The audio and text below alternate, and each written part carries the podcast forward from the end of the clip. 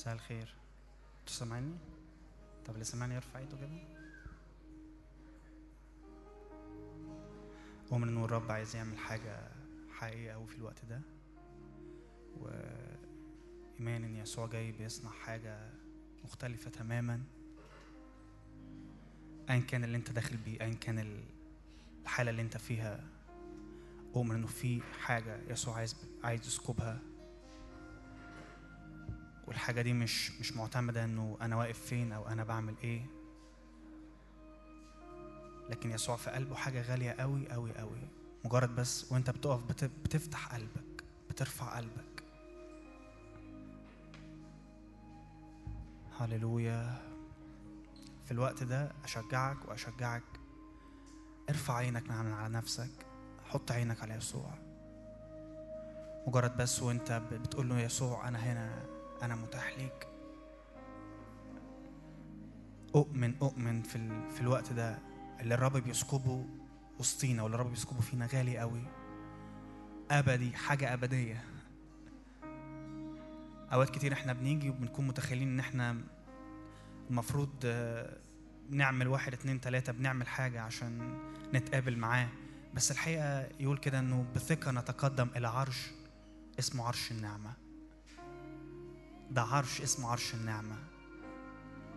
هو ده هو ده اسمه عرش النعمة مش عرش دينونة ولا عرش أعمال لكن عرش اسمه عرش النعمة. عرش النعمة ده أنا بقف قدامه وأنا عندي إيمان وثقة إن يسوع جاي بيحضني بكل حاجة فيا بكل حاجة حلوة فيا وبكل حاجة وحشة فيا.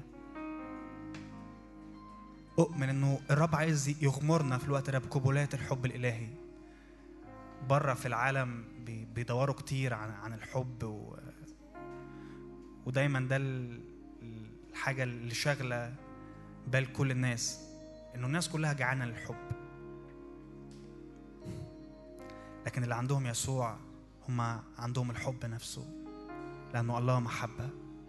وأنا أؤمن في الوقت ده يسوع يجي يغمرنا بمحبته. كم حد يقول أمين؟ كم حد يقول أمين؟ يملانا بمحبته. يغمرنا بسكيب اسمه سكيب الحب الإلهي. أبونا متى المسكين يقول كده إنه الحب الإلهي ده مش بينجح فيه إلا الأطفال. كان بيقول إنه أنا جاهدت كتير قوي في, في سنين عمري بس في الآخر اكتشفت إنه الحب الإلهي ده طريق مش بينجح فيه إلا الأطفال.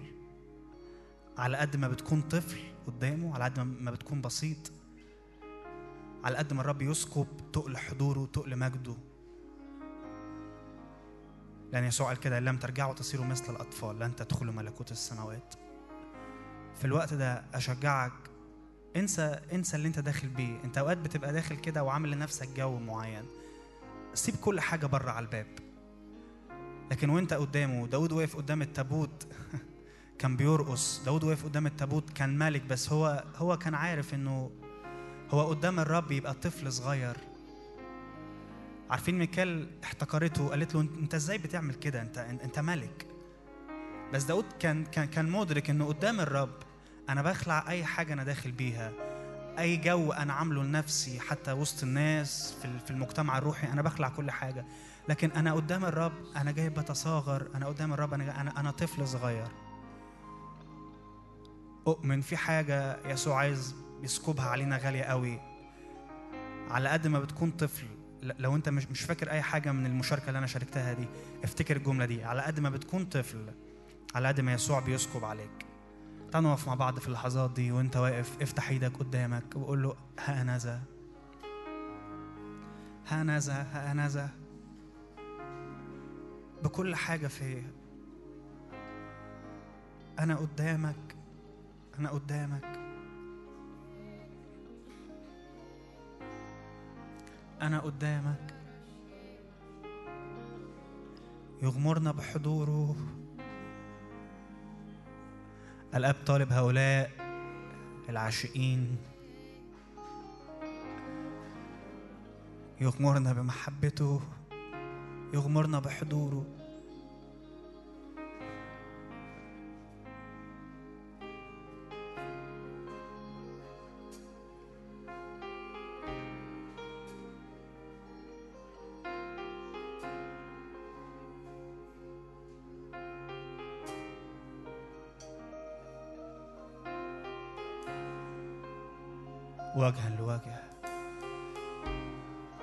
وجها لوجه.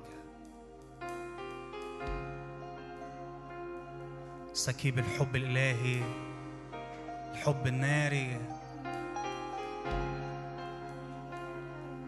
والفريق بيعبد والفريق مكمل بينغم كده. لو تحب ترفع إيدك في اللحظات دي. أتينا إلى الأبرع جمال من كل بني البشر.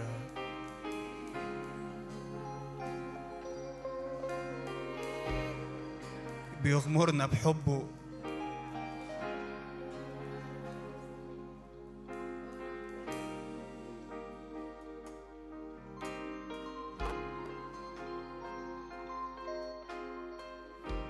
بيغمرنا بمحبته.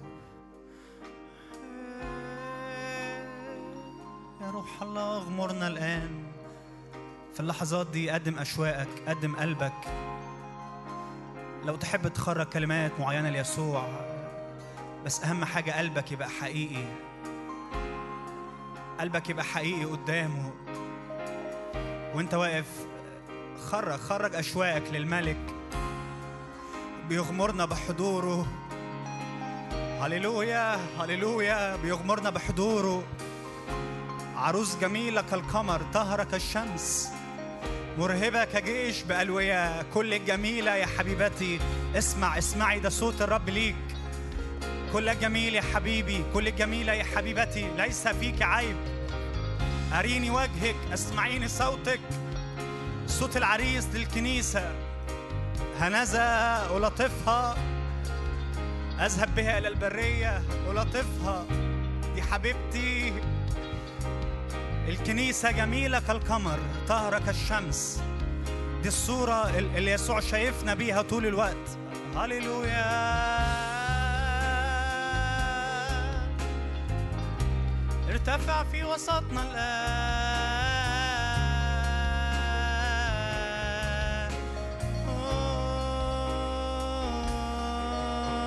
صالح أنت صالح صالح للأبد أنت صالح صالح أنت صالح صالح كمان مرة. أنت صالح صالح أنت صالح. أنت صالح صالح للأبد. أبرع جمال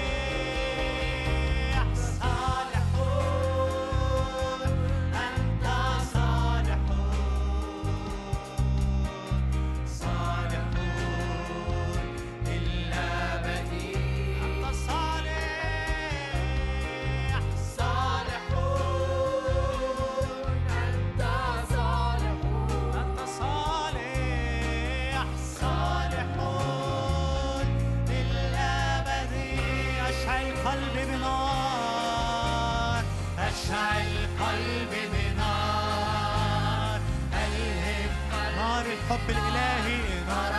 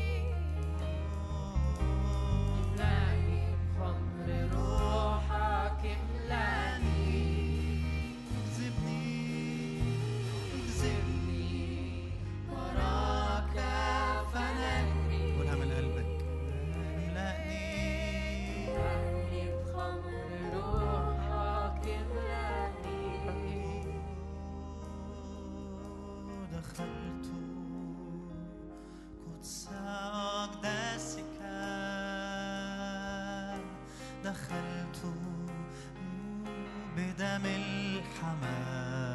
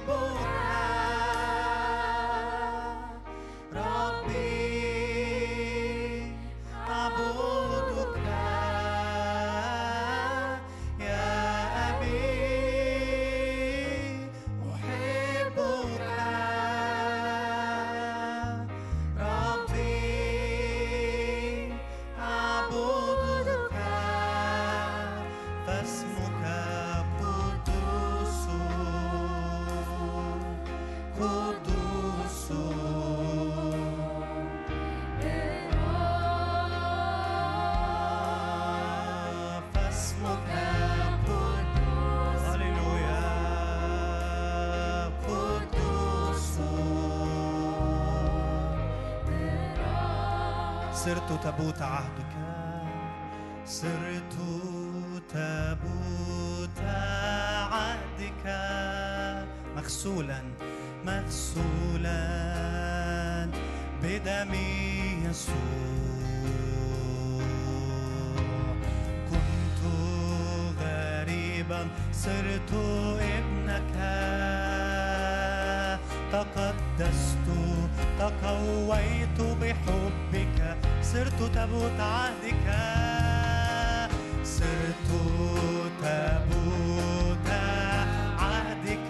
مغسولا بدم يسوع مغسولا بدم يسوع. كنت غريبا.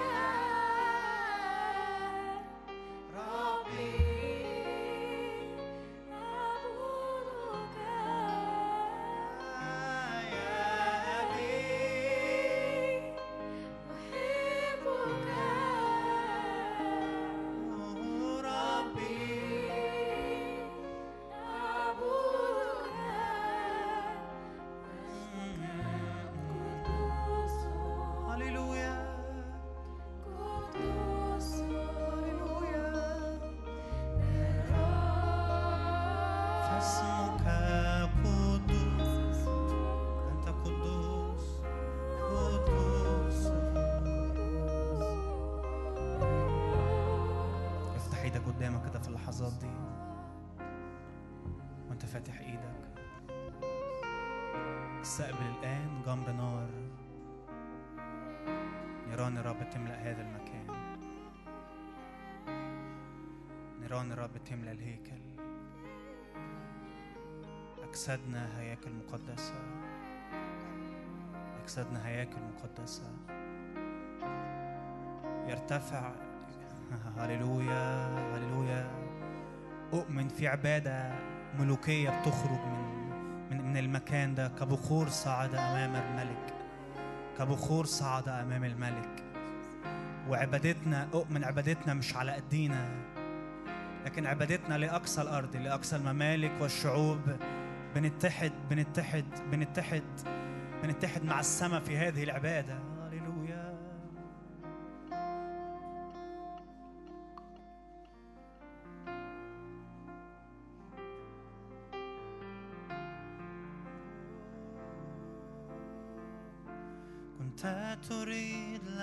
لنا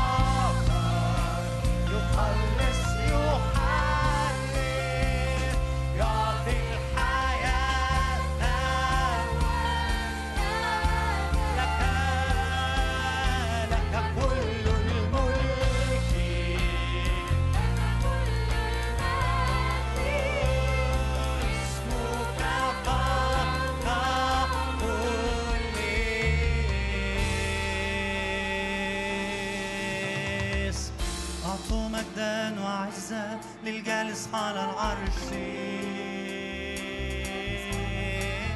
أعطوا مجدا وعزة للجالس على أقدمك عبادة كبخور صعدة. أعطوا مجدا وعزة مع كل السمائيين مع كل الملائكة. نقدم هذه العبادة. أعطوا مجدا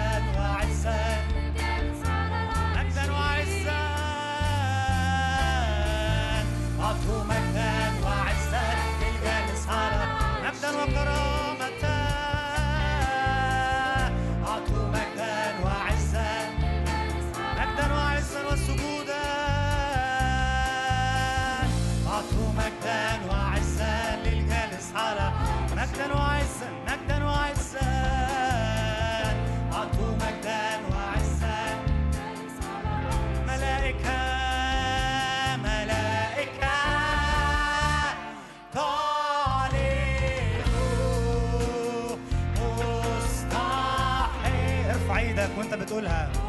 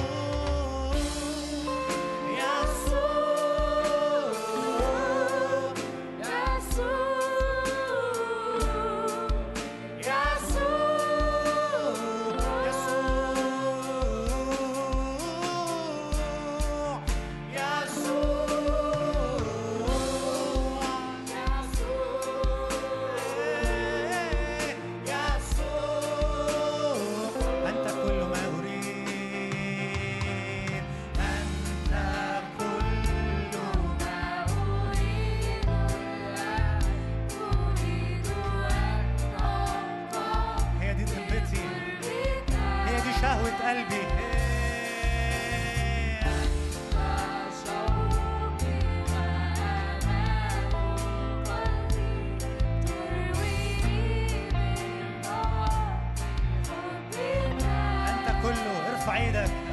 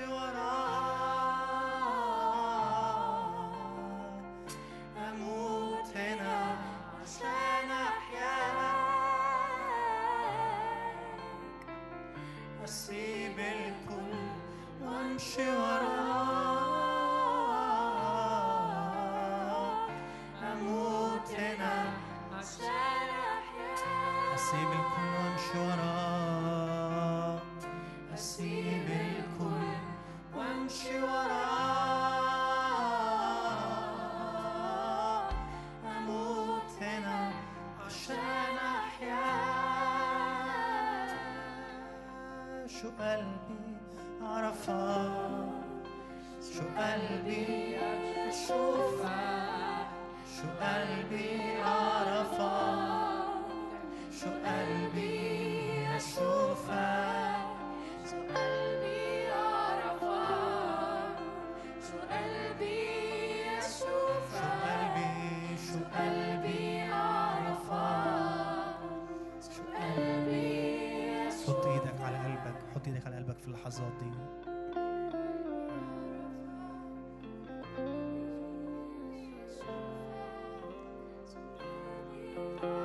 كده ان المحبة قوية كالموت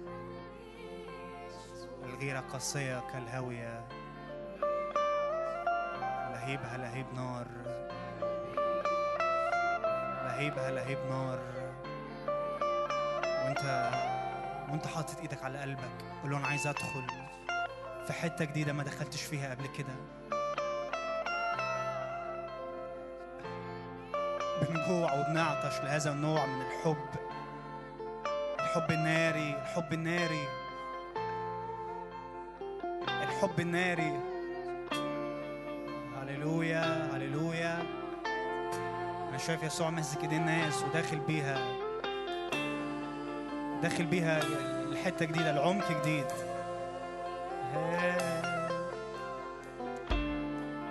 بياخدنا من عمق العمق من غمر الغمر قد ما بتكون طفل معاه على قد ما بياخدك لحتة أعمق.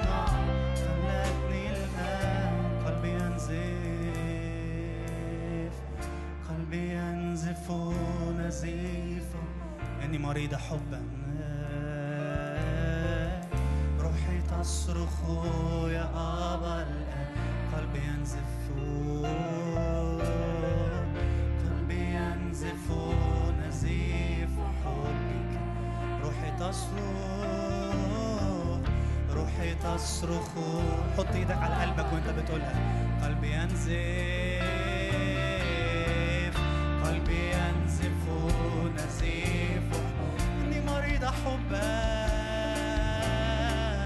روحي تصرخ.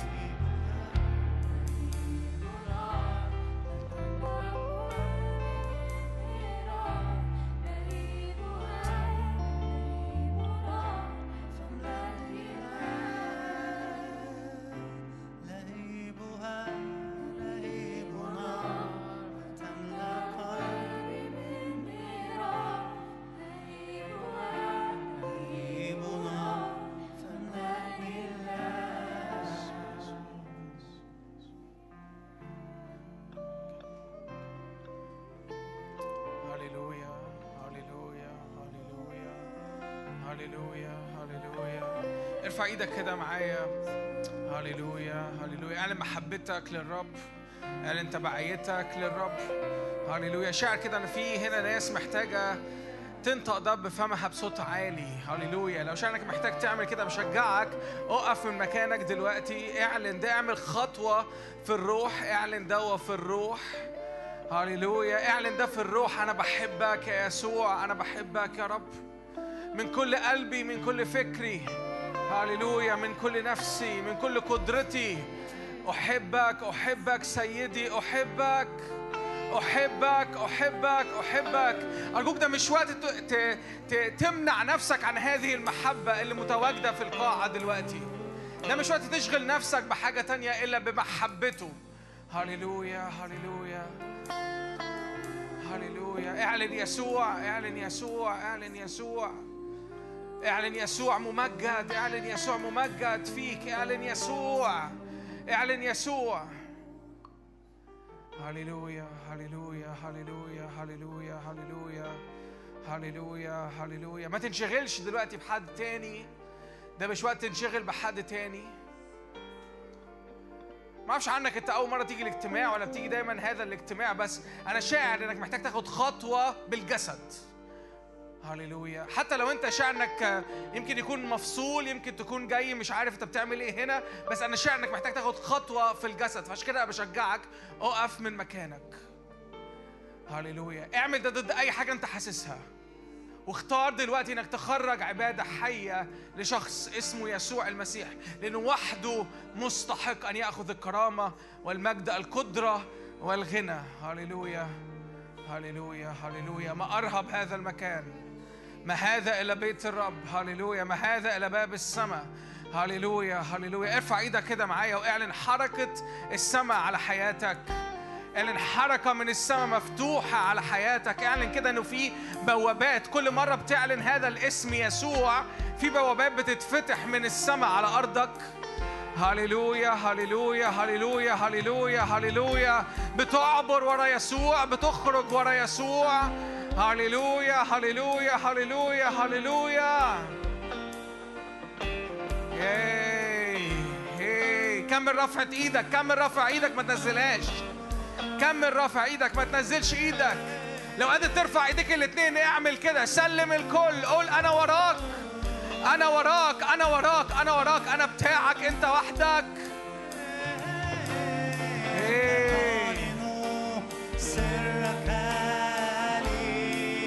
نعم أنت تعلن استقبل استقبل طبيعته استقبل محبته. لا محدودية في اسم الرب يسوع. أنت لا محدودية. ارفع إيدك. أنت طالب أنت طالب لا محدودية في الإعلان لا محدودية في التبعية. هللويا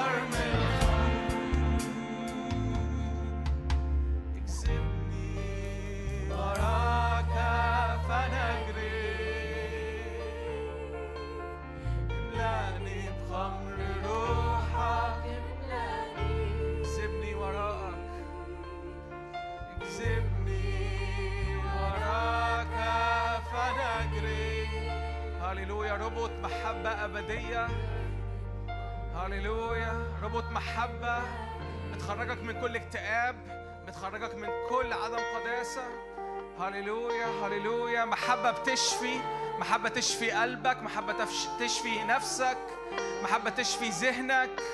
هللويا هللويا هللويا. اجذبني وراءك اجذبني وراك فنجري املأني بأمر روحك. قولها له كده اجذبني وراءك. املأني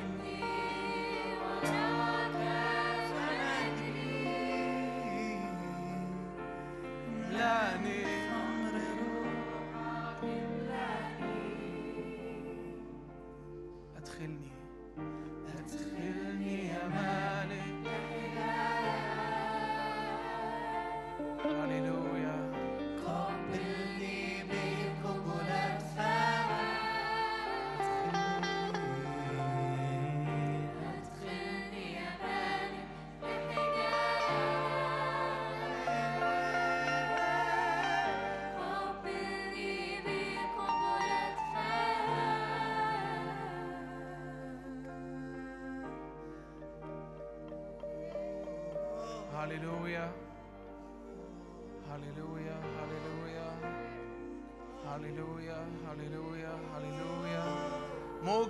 موجة من المحبة.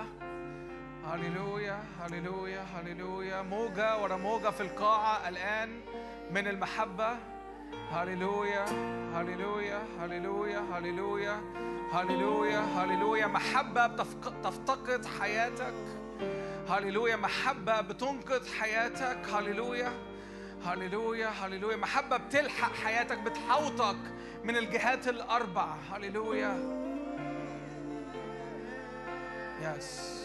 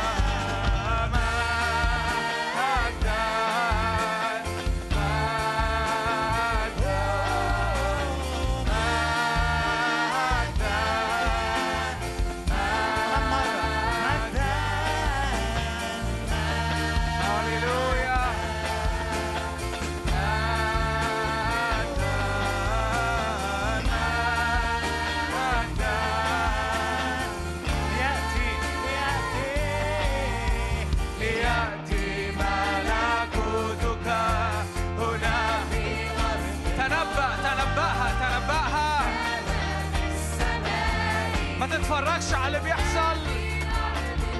تنبأ يا ابن آدم.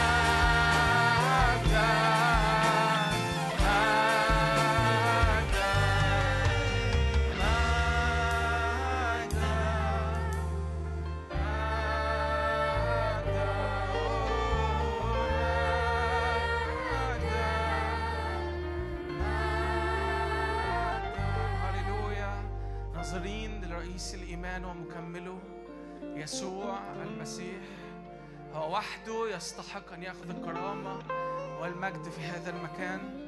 معلش عايز تصلي معايا كده هذه الصلوات وإحنا بنختم الوقت دوا. حط إيدك كده على عينيك. أي حاجة واخدة انتباهك تانية غير يسوع حط إيدك كده على عينيك. كلم عينيك وقول لعينيك يا عينيا انظري لرئيس الإيمان ومكمله. يا عينيا اخضعي لمشيئة أبويا السماوي. لا تنظري إلى شيء آخر. مفيش حاجة تانية تكون واخدة انتباهك لا شخص آخر لا ظروف أخرى لا مشاكل تانية. هللويا. عينيا نظرة عينيا بصة عينيا متثبتة على العرش والجالس على العرش على رئيس الإيمان ومكمله يسوع. هللويا هللويا هللويا هللويا. كلم عينك كلم عينك كلم عينك. فكر عينك فكر عينك. إن ليها وظيفة واحدة إن هي تنظر إلى يسوع مشتهى الأمم وليس آخر. هللويا يا رب اشكرك يا روح الله اشكرك إنك بتشيل من على عينينا كمية قشو- قشور رهيبة اتوقعت عليها يمكن الأسبوع ده أشكرك إنك جاي تنظف عينينا من كل مشاهد من كل مناظر. هللويا مش بتمجد ابنك القدوس. هللويا هللويا هللويا هللويا هللويا هللويا أؤمن إن الرب بيعمل عملية تحول دلوقتي بيعمل ريبوزيشننج لعينيك.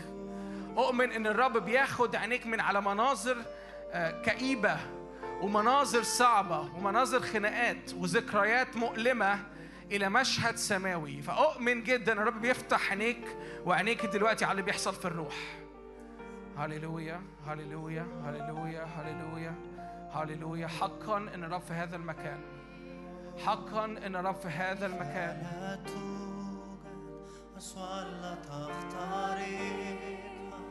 جبال لا تنقل هللويا لأمر مستحيل. ولا يوجد موت لا تقيم قبر لا تضيء لأمر مستحيل.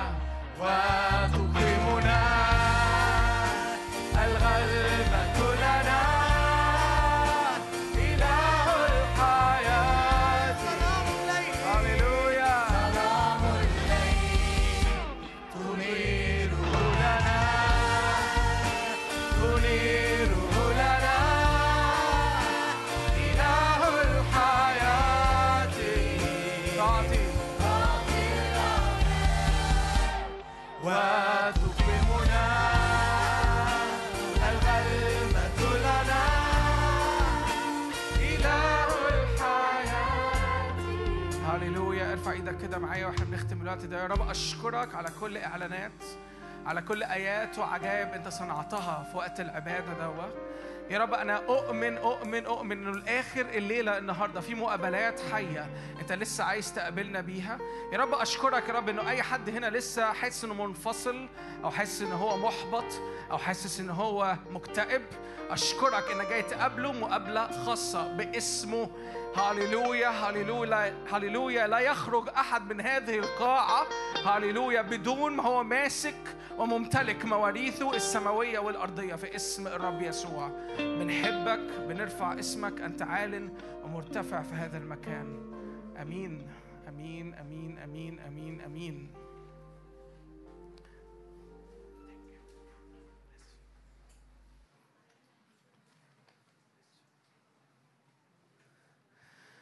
إزيكم؟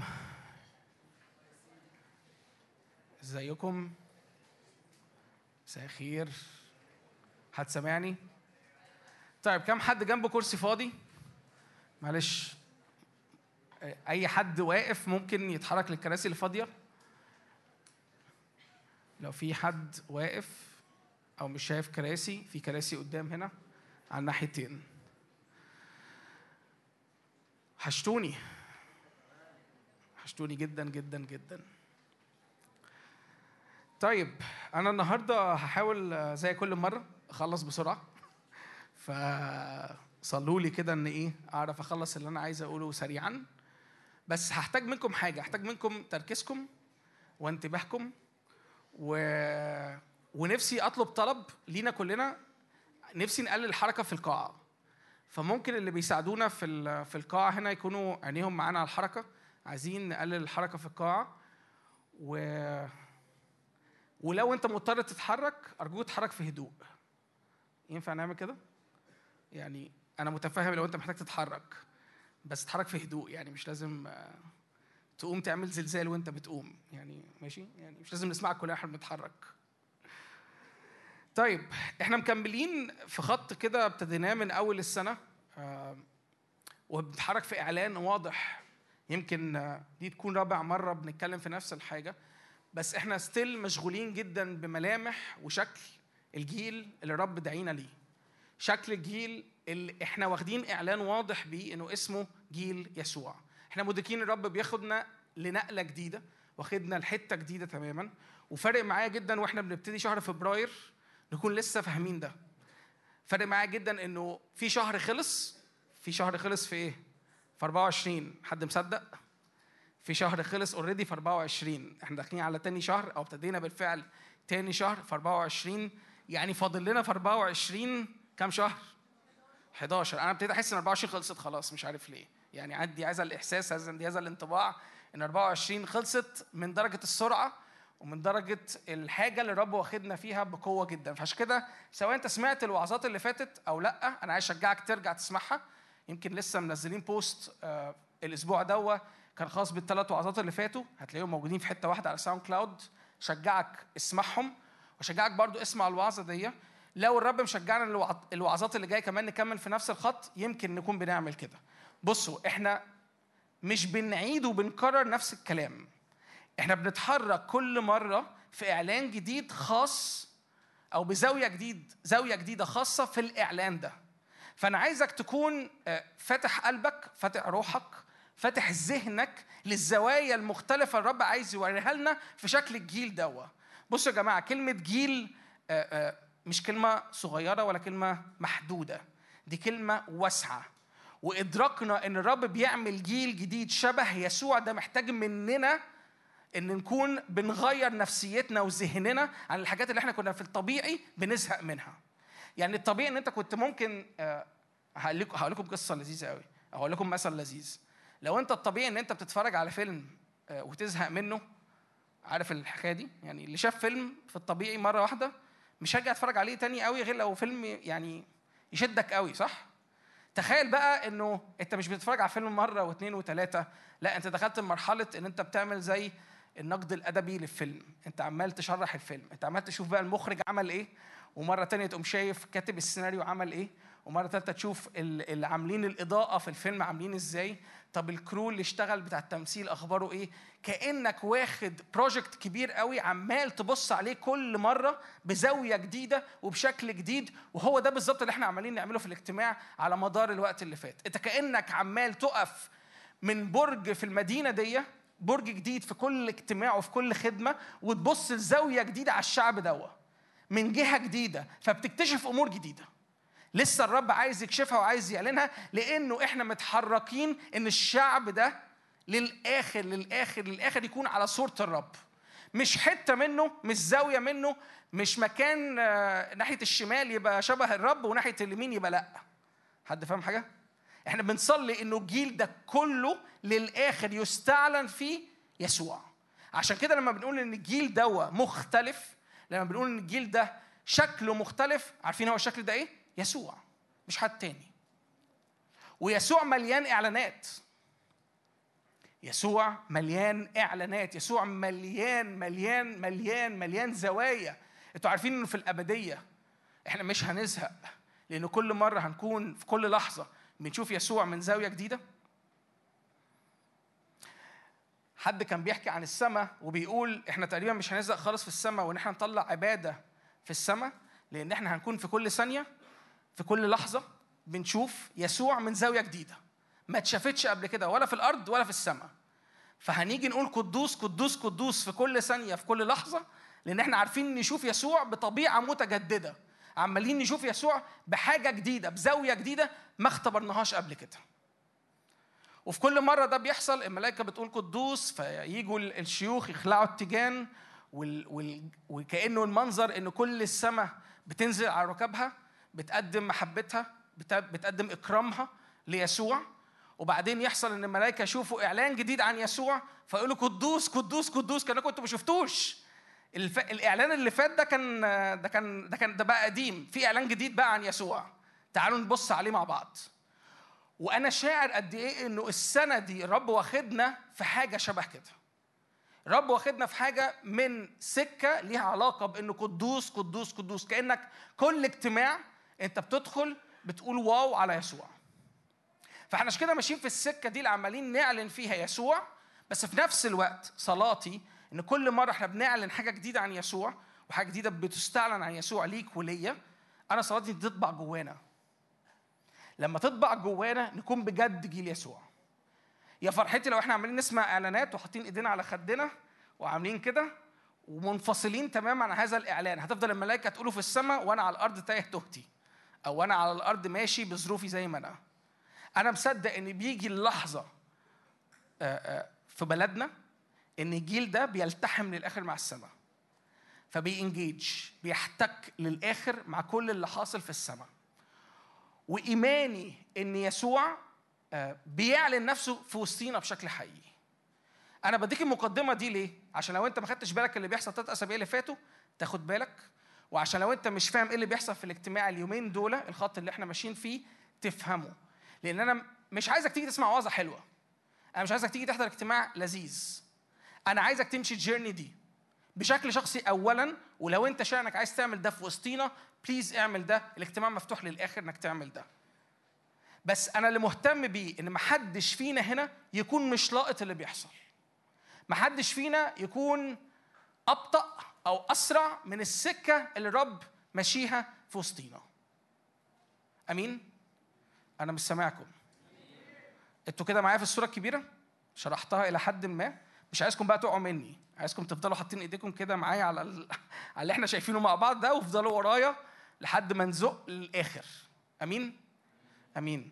افتح معايا كده يوحنا 17 المرة اللي فاتت لما جيت وعظت كنت برضو بت- بب- ببتدي من يوحنا 17 وشاعر إنه يوحنا 17 الإصحاح ده كله مفتاحي جدا جدا جدا لإدراك جيل يسوع لاستعلان جيل يسوع. لو أنت عايز تفهم أكتر وأكتر جيل يسوع ده لوحدك أشجعك قوي قوي قوي افتح يوحنا 17 واقعد اقرأ فيه بالساعات لأن أنا مصدق إن الروح القدس هيفضل يديك إعلانات فيه طول الوقت. يوحنا 17 عدد 6 إحنا متعودين بنقرأ مع بعض. ماشي؟ أنا أظهرت اسمك الذين كانوا لك وقد حفظوا إيه؟ والآن علموا أن كل ما أعطيتني هو إيه؟ لأن الكلام الذي أعطيتني قد أعطيتهم. وهم قبلوه وعلموا يقينا أني خرجت من إيه؟ وأمنوا أنك أنت من أجلهم أنا أسأل لست أسأل من العالم من أجل العالم بل من أجل الذين إيه؟ لأنهم وكل ما هو لي وكل ما هو لك وأنا لا معلش ممكن نقول تاني أنا ممجد فيهم دي بصوت عالي؟ وأنا؟ لا تاني وأنا؟ طيب ممكن ممكن كده يعني نقولها مع بعض وأنت ممجد فيا؟ لا لا معلش مش واحد اتنين تلاتة. وأنت؟ لا مش عاجبني. حط إيدك كده على قلبك وتعالى نقولها بجد كأنك مصدقها. معلش مثل معايا. معلش سواء أنت مش فاهم أو فاهم. حط إيدك على قلبك. وأنت؟ هللويا. وأنت؟ وأنت؟ يسوع. أنت؟ هللويا. حد يقول هللويا؟ أيوة كده. مساء فل صحيتوا. تعالوا نقراها تاني. أنا أظهرت اسمك للناس الذين أعطيتني من العالم. يسوع بيقول للآب إنه أنا عملت حاجة أنا خلصت حاجة. ركز معايا في التفاصيل لأنه في التفاصيل وفي الترتيب اللي بيحصل في الكونفرزيشن دوا أو في المقطع ده محتاجين نستوعبه ونفهمه عشان نهضمه بشكل حقيقي في الروح وفي النفس وفي قلبك بشكل شخصي لحياتك. يسوع بيقول للأب إيه؟ أنا أظهرت اسمك خلاص للناس اللي أنت اديتهم لي. للناس اللي أنت إيه؟ للناس اللي أنت إيه؟ يعني حضرتك حضرتك بالاسم أعطيت لمين؟ تاني تاني ركزوا معايا ركزوا معايا. أنا أظهرت اسمك للناس الذين أعطيتني من العالم. يسوع بيقول أنا I did my job. أنا خلصت الشغلانة. أنا أعلنت اسمك للناس الذين أنت أعطيتهم لي. فأول حاجة أنا عايزك تعرفها إن الآب إداك لمين؟ الآب اختارك عطية ليسوع هدية ليسوع. الآب اختارك من قبل تأسيس العالم واختارك باسمك لمين؟ أنتوا معايا؟ أنتوا معايا ولا فصلتوا مني بسرعة كده؟ ماشي. ويسوع هنا بيقول للاب أنا عملت إيه؟ أنا خلصت الشغلانة. أنا عملت إيه؟ أنا أظهرت اسمك الذين أعطيتهم لي. الحاجة الثانية الحاجة الأولى أنت معطى من الآب ليسوع. الحاجة الثانية يسوع أظهر لك طبيعة مين؟ الآب. يسوع أظهر لك اسم الآب أظهر لك طبيعة الآب. يسوع ادالك كل اللي هو فاهمه كل اللي هو مدركه عن يس عن الآب. أنت مدرك؟ يعني حضرتك النهارده رقم واحد اخترت بالاسم ليسوع. اتنين يسوع عمل إيه في الصليب؟ يسوع عمل إيه في حياته؟ أظهر لك وأعلن لك أعلن لك كل طبيعة الآب اللي في السماء. يعني حضرتك النهارده مالكش حجة في يسوع إنك تقول لي أنا مش عارف بابا الآب ده شكله عامل إزاي. ما ينفعش تقف النهارده تقول أنا مش قادر أتواصل مع بابا الآب أو أفهم إيه مشيئته أو أفهم إيه أفكاره أو أنا مش قادر أفهم في حياتي النهارده. آخد خطوات إزاي؟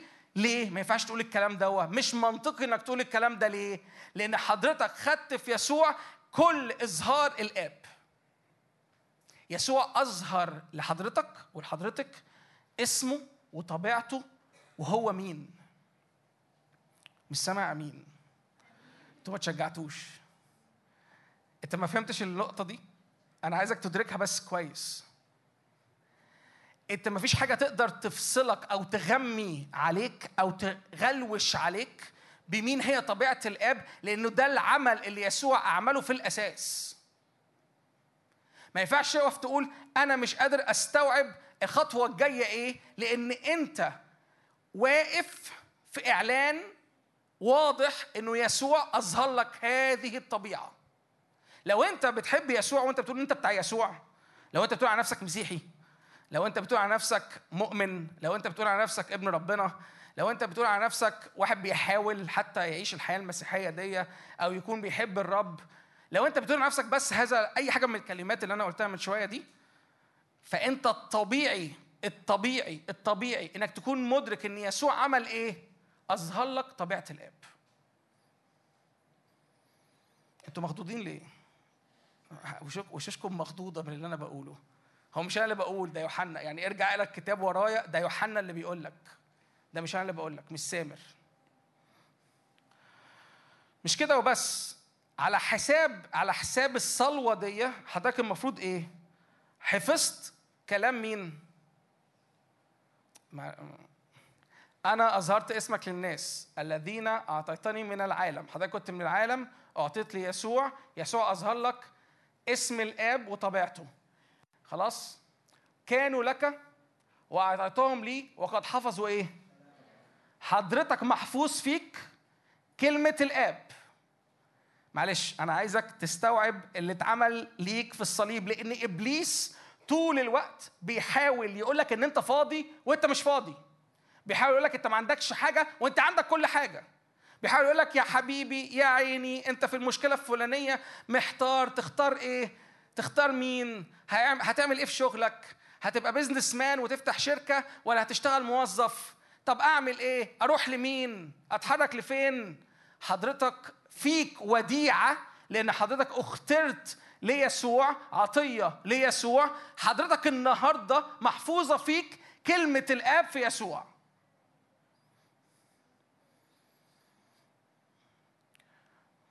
أنت عارف العالم بيقعد يقول لك إيه؟ دور بنفسك جوه نفسك. فاكرين أغنية آه، ميكي؟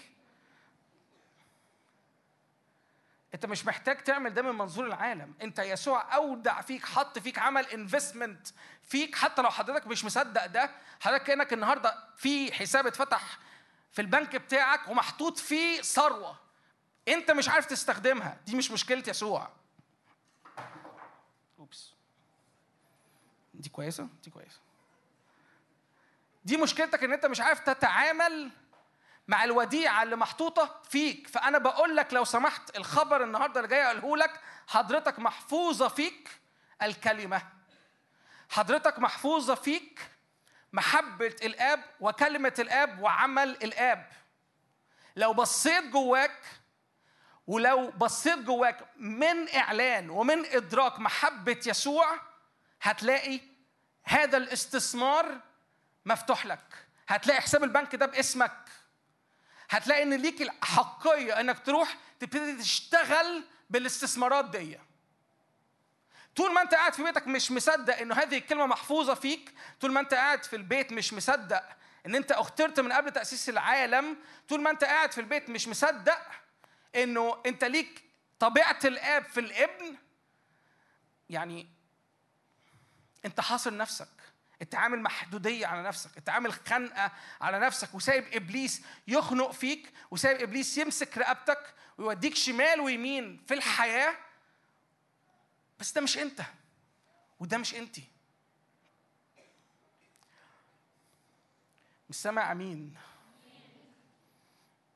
أنا جاي أرفع إيمانك النهارده بكام حاجة مفتاحيين جدا أنت محتاج تدركهم للزمن ده. لو أنت بجد مصدق إنك ليك المستوى ده من الحياة رب بجد عايز يعمل نقلة ونقلة أنا عايز أقول فورية مش نقلة حتى سكة. رب عايز يعمل قفزة الليلة دي رب عايز ينقلك الليلة دي من حالة لحالة. ممكن تكون داخل القاعة دي في حيرة.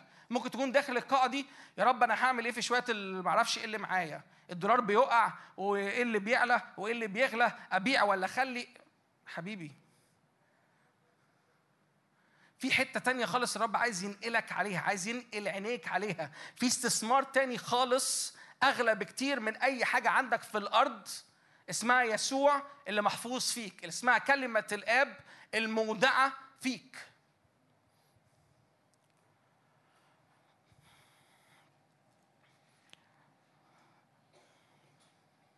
لأن الكلام عدد ثمانية أن الكلام الذي أعطيتني اسمع معايا ركز في اللي حصل هنا.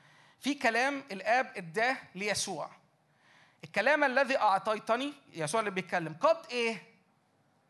قد إيه؟ حضرتك النهارده معاك كلمة الآب مسلمة ليك من مين؟ أنت مصدق معايا ده؟ أنت مصدق معايا؟ أنا عايزك تصدق معايا، أنا عايزك تفهم إن ده اللي حصل في الصليب، لو أنت تاني بتقول على نفسك مسيحي ده اللي حصل لك في الصليب، لو أنت النهارده بتقول أنا بحب واحد اسمه يسوع، لو أنت جيت الاجتماع دوا عشان حتى بس تكتشف اللي بيحصل أنا عايز أقول لك الخبر ده، أنت ليك المستوى ده من الحياة. أنت الكلمة اللي ليك مودعة من يسوع عن طريق الآب. وهم قبلوا، أنت حضرتك قبلت. وعلمت يقينا انت متخيل الكلام؟ يسوع بيقول إيه على مستوى إيمانك ومستوى المعرفة اللي عندك فيه؟ حضرتك في حالة يقين يسوع اللي ضامن هذه الحالة. يسوع بصليبه هو اللي ضامن هذه الحالة انت مش في حالة تردد. انت مش في حالة إنه آه ولا لأ. انت مش في حالة إنه يمكن. حضرتك في علم يقيني. لأن في كلمة مودعه فيك. يا يسوع. يا يسوع يا يسوع. يا رب بجد تستوعبوا اللي أنا مليان بيه. أنا بصلي من كل قلبي إن ما حدش يطلع من القاعة النهارده مش مدرك حجم النعمة اللي أنت خدتها في يسوع. أنا مش عارف عنك أنت بتقرأ الكلمات دي إزاي بس أرجوك أرجوك ارجع اقرأ الكلمات دي معايا واستقبلها على حياتك بشكل شخصي. ما تعديهاش ككلام مكتوب وخلاص. حضرتك ليك علم يقيني. كلام واضح من السماء على حياتك. أرجوك ما تفرطش فيه.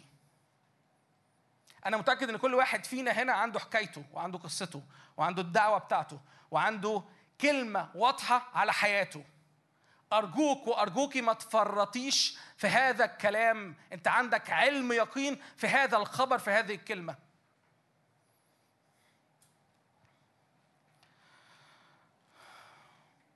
هم علموا يقينا أني خرجت من عندك. ركز. وآمنوا أنك أنت أرسلتني. حط إيدك على قلبك كده. قول قول لنفسك كده. أؤمن أنك أرسلته لي. حط إيدك على قلبك. صلي هذه الصلوات. أؤمن يا بابا الآب أنك أرسلت يسوع لي. أؤمن يا بابا الآب. قولها ورايا بصوت عالي. أؤمن يا بابا الآب. أنك أرسلت يسوع لي إن يسوع من عندك. أؤمن يا بابا الآب إن يسوع رب على حياتي. عندي علم يقين إن يسوع لي أرسلته لي.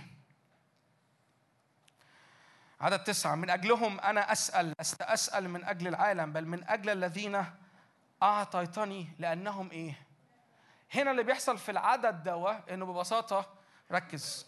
يسوع بيقول إيه؟ أنا لست أسأل من أجل, من أجل العالم بل من أجل الذي الذين أعطيتني. لأن هم إيه؟ هم إيه؟ اللي حصل إيه؟ عدد تسعة دوا يسوع بيقول له أنا مش بيقول للآب أنا مش بسأل من أجل اللي في العالم أنا بسأل من أجل الذين أعطيتني لأنهم لك. فاكرين لما كنت بقول لك إنه عدد واحد عدد ستة أنا آسف. أنا أظهرت اسمك لل- للناس الذين أعطيتهم من العالم كانوا لك وأعطيتهم لي. يسوع هنا بيرجع بيقول له أنت اديتهم لي بس أنا هعمل إيه دلوقتي؟ هرجع أديهم لك. يسوع بيقول له أنت اديتهم لي في عدد ستة وبعدين بيرجع تاني في عدد تسعة. أنا مش بسأل من أجل العالم بل من أجل الذين أعطيتني اللي أنا استلمتهم في عدد ستة لأنهم لك. أنا خلصت شغلي معاهم وأنت اديتهم لي وأنا دلوقتي بعمل إيه؟ برجعهم لك. حضرتك إنجاز التعبير ودي الصورة اللي ملياني كأنك كرة البينج بونج ما بين الأب والابن. ودي حاجة حلوة قوي. اطمن اطمن حضرتك تطمني لأن أنت محاط بالأب والابن والروح القدس. اطمن إن أنت كورة بينج بونج عمالة تتخبط في الأبعاد الثلاثه في الأضلاع الثلاثه بتاع هذا الثالوث ومش بتخرج براها. اطمن إنه اللي الآب بيديه للابن الابن بيرجع يديه للإيه؟ للآب. قول هللويا. قول هللويا. أنت مش بره مشيئة الرب. أنت جوه المشيئة طول الوقت. يا يسوع المسيح. يا يسوع المسيح. انت طول الوقت جوه المشيئة. انت في أوقات بتتعامل مع الآب بس في الآخر اللي يحصل. يقوم الآب مديك للإيه؟ للإبن. يرجع الآب يرجع الإبن. يقول okay انت عارف أنا اشتغلت مع مع مع أمير ال- season ده في الفترة دي. خد أنا برجع لك. أمير يا بابا الآب. فيجي بابا الآب يقول okay أنا عايز أشتغل مع ديفيد في ال season ده. خد يا يسوع اشتغل مع ديفيد في في ال season ده يشتغل معاه. يقوم يسوع مخلص الشغل يقول له خد يا بابا الاب الوديعة العطية الحاجة اللي اديتهاني من قبل تأسيس العالم. أنا برجعها لك إن في الأصل دي بتاعتك أنت. وهي دي حياتك. هو ده شكل حياتك. هو ده شكل الجيل اللي بيخرج في المشيئة. هو ده شكل الجيل اللي بيتحرك حسب قلب وفكر وطبيعة ملك الملوك ورب الأرباب. هو بيتحرك طول الوقت في أبعاد من الروح. هو طول الوقت عمال ينتقل من الآب للابن بالروح. هو طول الوقت في الثالوث. هو طول الوقت في تعاملات مقدسة ما بين الثالوث. وكل ما هو ليك كل ما هو لي اللي هو حضراتكم فهو إيه؟ فهو لك. وما هو لك فهو إيه؟ يا سبحان الله يا سبحان الله حضرتك وحضرتك هو بيتكلم عليكم.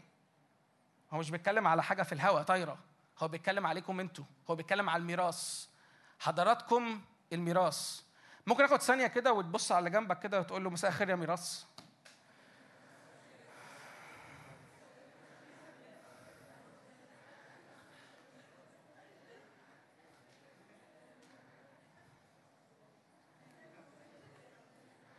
لو انت مش واخد بالك حضرتك ميراث الاب والابن والروح القدس.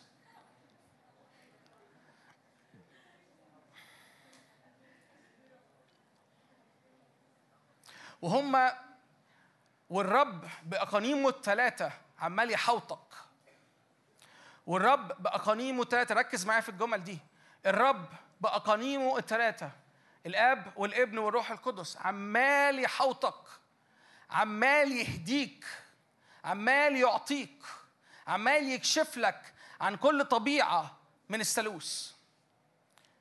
عشان حضرتك تكون ميراث مكمل عشان حضرتك تكون ميراث مقدس عشان حضرتك تكون ميراث كامل مفيش فيك عيب ولا دنس.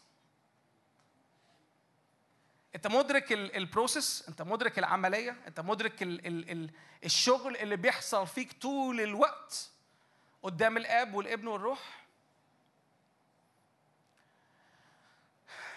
أنا ليه بقول الكلام ده لأني مدرك إن الرب بيخرج جيل وشعب أسد. أنا مدرك إن الرب بيطلع جيل طبيعته مختلفة نوعيته مختلفة شكله مختلف لا يهدأ ولا يسكت. أنا مصدق إن الرب بيدينا الليلة دي سرعة وقوة والحاجة دي أنا عارف كويس قوي إنه أنت مش هتخرج منك. دي حاجة أنت هتفضل بتستلمها طول الوقت طول ما أنت موافق إن ده موقعك. طول ما انت موافق ان ده المكان اللي انت بتتعامل فيه ما بين الاب والابن والروح القدس. تقول لي يا سامر أنا وضعي النهارده فس أنا خارج من علاقة بايظة ال ex بتاعي بهدلني كان toxic كان معرفش إيه كان عمل فيا إيه آه، اكتشفت بعدين إنه كان بيعمل إيه وبيهبب إيه وبتهبب إيه. قول لي زي ما تقول لي. قول لي اللي أنت عايزه.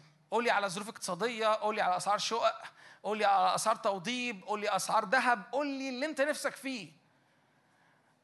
اللي نفسك فيه تقوله قوله. أنا عايز ده كله وفاهم ده كله. بس صدقني أنت مش هتعرف تعملها بنفسك. صدقني ما هتعرف تعملها بدراعك.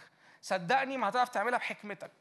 صدقني صدقيني ما هتعرف تشفي نفسك ولا هتعرف تشفي روحك من الجروح ولا هتعرف تطلع من الذكريات المؤلمة. الحاجة الوحيدة اللي ينفع تخرجك من ده كله إنك بتستلم قوة وأنت في الثالوث. الحاجة الوحيدة اللي تقدر تفتح لك هاي واي مفتوح تجري فيه بسرعة أقوى من سرعتك مليون مرة هي إن أنت معشق في الثالوث.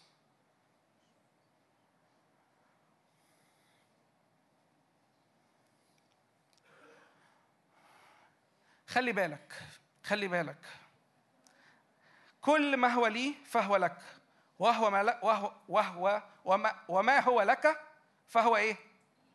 وأنا ركز أرجوك معايا. وأنا وأنا معلش معلش معلش أنا عايزك تصدق معايا ده. حضرتك يسوع متمجد اوريدي فيك. أنت ممكن تستوعب إن حضرتك النهارده as we are talking في هذه اللحظة العظيمة اللي إحنا مجتمعين فيها في هذه القاعة يسوع متمجد فيك برغم ظروفك. يسوع اللي بيتكلم الآب بيقول له على ضمانتي صدقني أنا إيه؟ ممجد فين؟ يا إلهنا الصالح. يا إلهنا الصالح شكرا ليك. يا إلهنا الصالح شكرا ليك. يا رب تنور. بجد. حضرتك الليلة دي النهارده في هذه اللحظة يسوع ممجد فيك. حضرتك مش محتاج تعمل حاجة. حضرتك مش محتاجة تحطي مجهود زيادة أو تفكر أكتر عشان تخرج من الموقف. فيسوع يتمجد. النهارده الليلة دي يسوع ممجد فيك. ده مش كلام خاص بالناس الحاضرين في القاعة. لو أنت النهاردة كنت قاعد في البيت وفاتح الاستريمنج وبتسمع ده وسط اكتئابك يسوع ممجد فيك.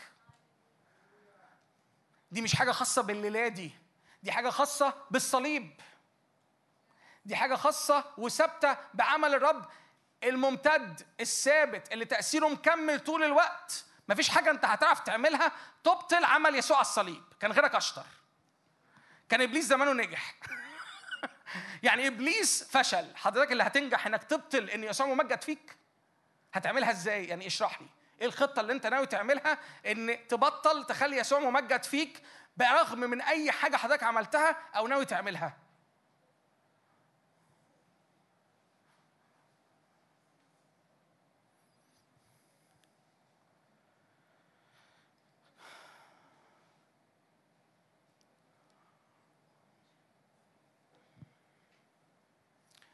أنا مش بتحداك إنك تعمل يعني خطة إنه تبطل مجد يسوع فيك.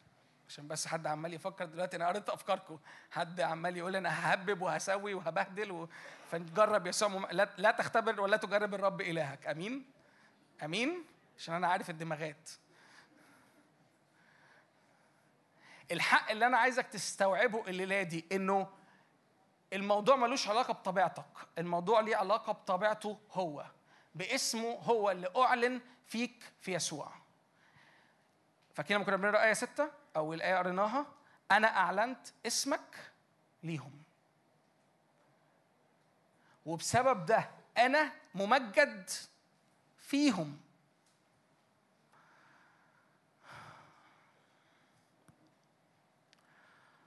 يا رب. أنا هتكلم آه، بسرعة. عشان ما قدامناش وقت كتير. على ثلاث مفاتيح تتحرك بيهم في الحتة دي.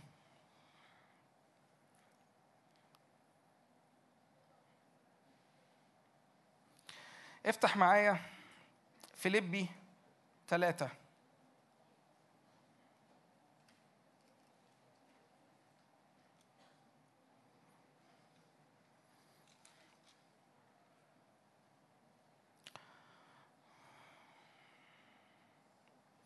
عدد عشرين بيقول كده فإن سيرتنا نحن هي في السماوات التي منها أيضا التي منها أي؟ ننتظر. هو؟ لا أنا مش سامعكم. ممكن نقراها تاني مع بعض؟ فإن سيرتنا التي منها مخلصا هو 21 الذي سيغير شكل جسد تواضعنا ليكون على صورة بحسب عمل استطاعته أن يخضع لنفسه. معلش نقراها تاني بهدوء عشان أنا عارف الآيات دي بتبقى مجعلصة علينا شوية. نقراها بهدوء ونحاول نفسرها.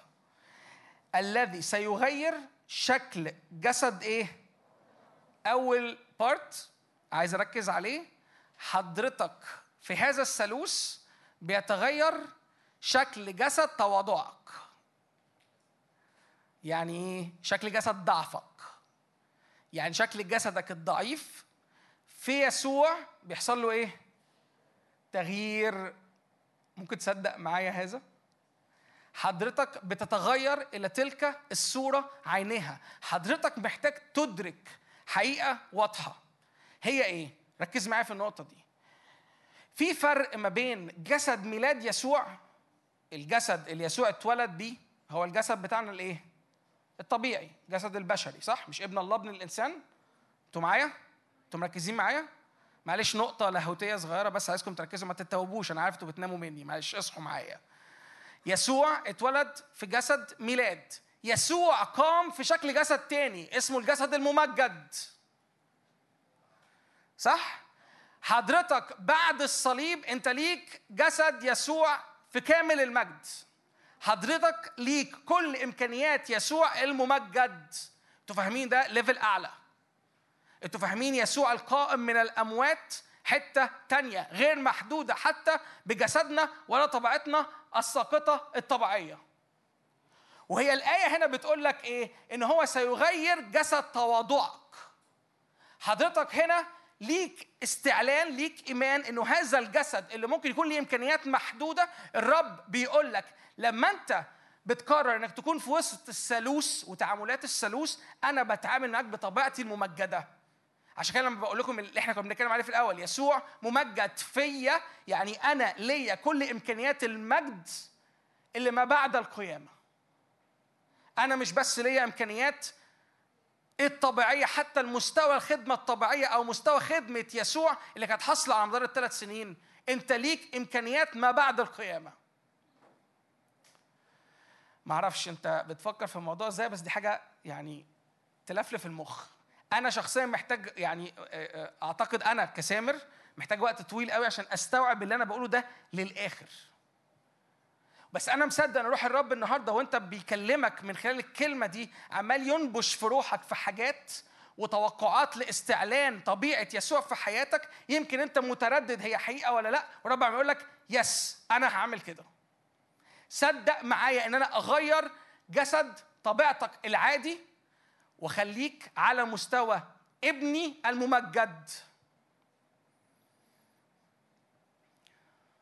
الرب النهارده جاي بأمانة بأمانة بأمانة يغير شكلك إلى تلك الصورة عينها أنت محتاج تدرك إن كل محدودية قديمة كنا متحركين بيها السنين اللي فاتت الرب كأنه بيشد سطر عليها وبينقلك لمستوى تاني ما فيهوش محدودية.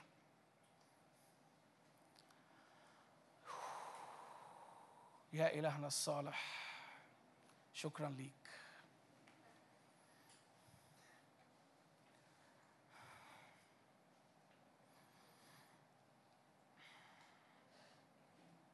ليكون على صورة جسد.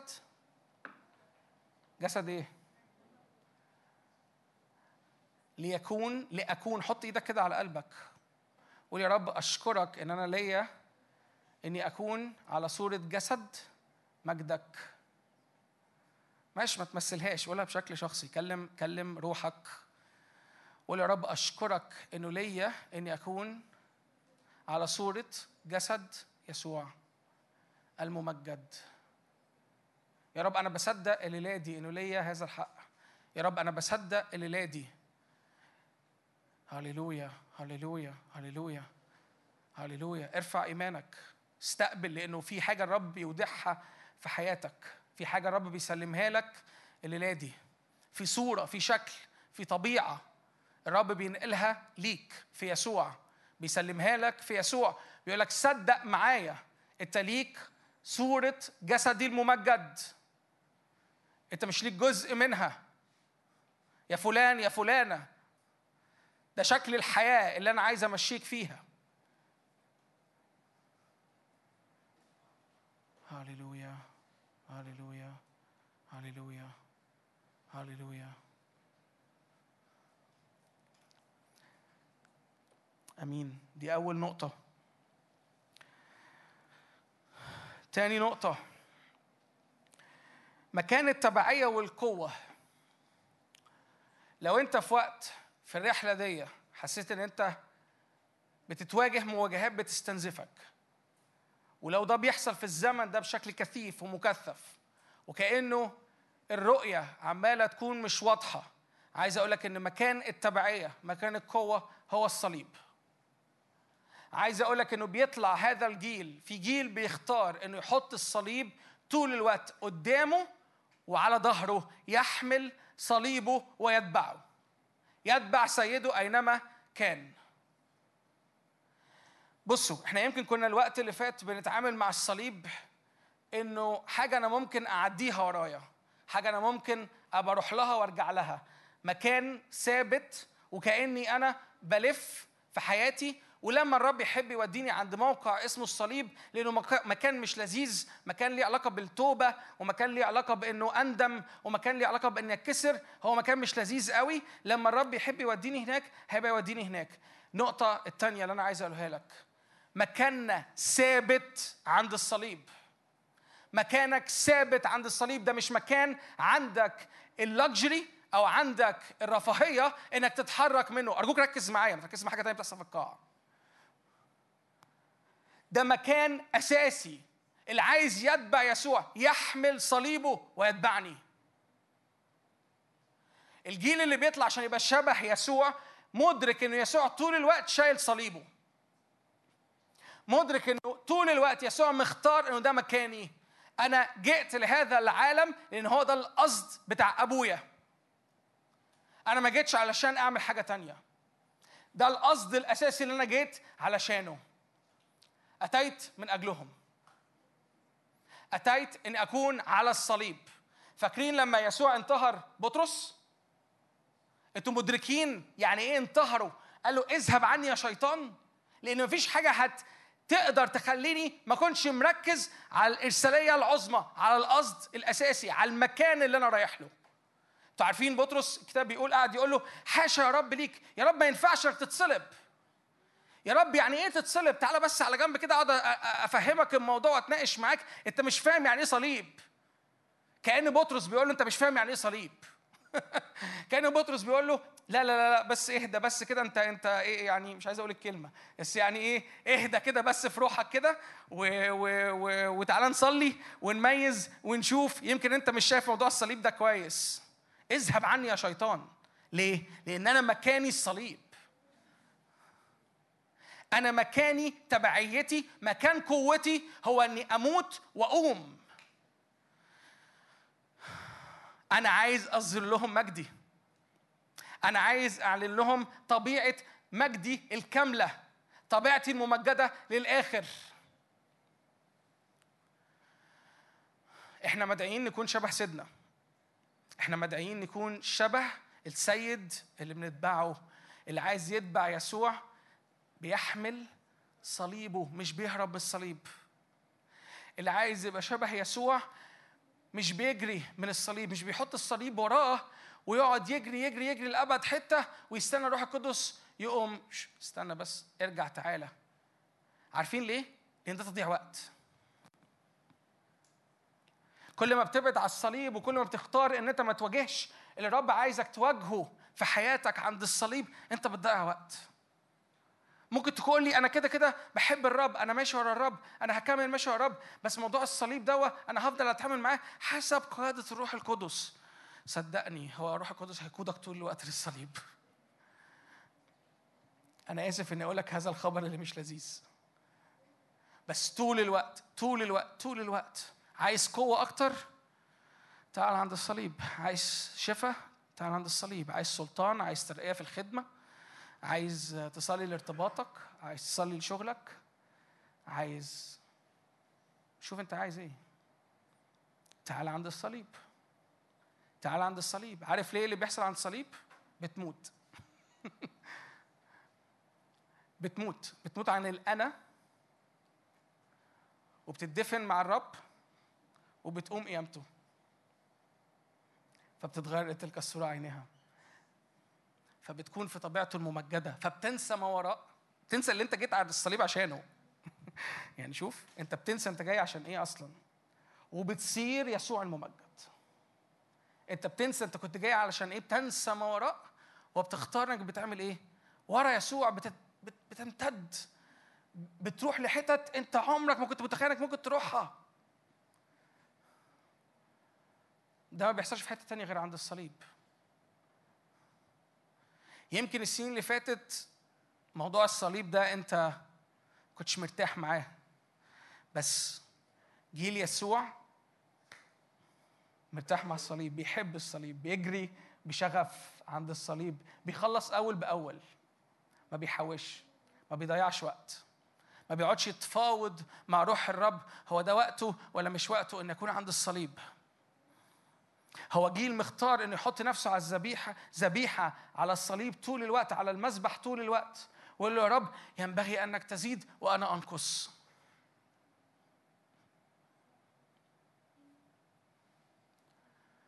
من أراد أن يتبعني فليحمل صليبه. عايز تتبع يسوع للآخر؟ عايز تكون يسوع للآخر في حياتك؟ عايز تعيش حياة يسوع للآخر؟ ما تهربش من الصليب.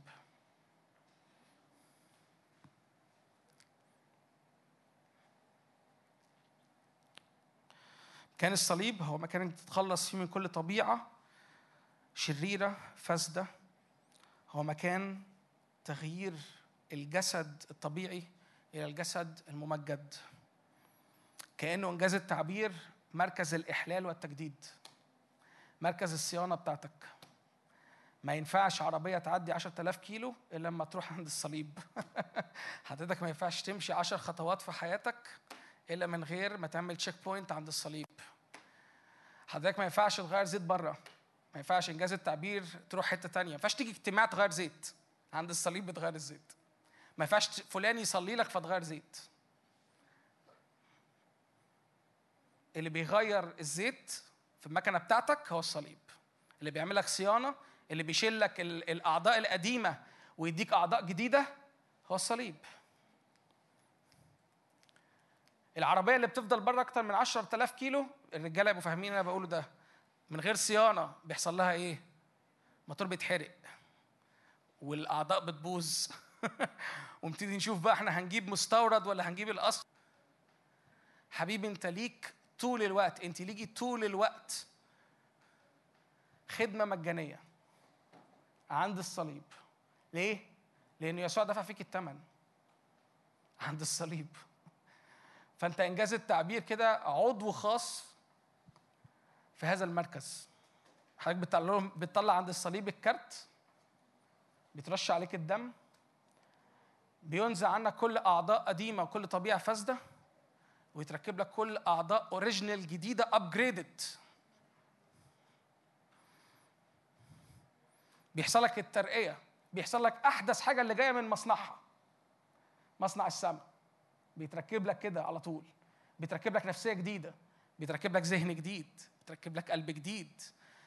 هللويا هللويا هللويا. بتتركب لك علاقات جديدة. بتتركب لك دعوة جديدة. هللويا. بتنسى ما وراء وتمتد للأمام.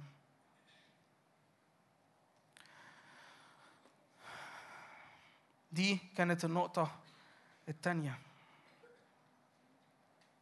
افتح معايا كرونسوس الثانية هخش معاكم على النقطة الثالثة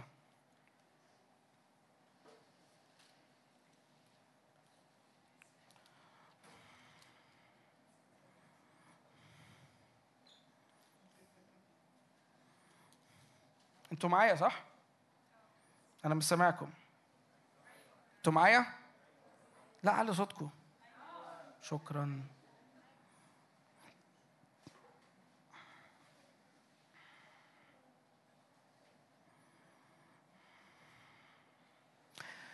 كرونسوس الثانية صح ثلاثة من أول عدد أربعة. تعالوا نقرأ مع بعض. ولكن ولكن لنا ثقة هي طلعت ولا لأ؟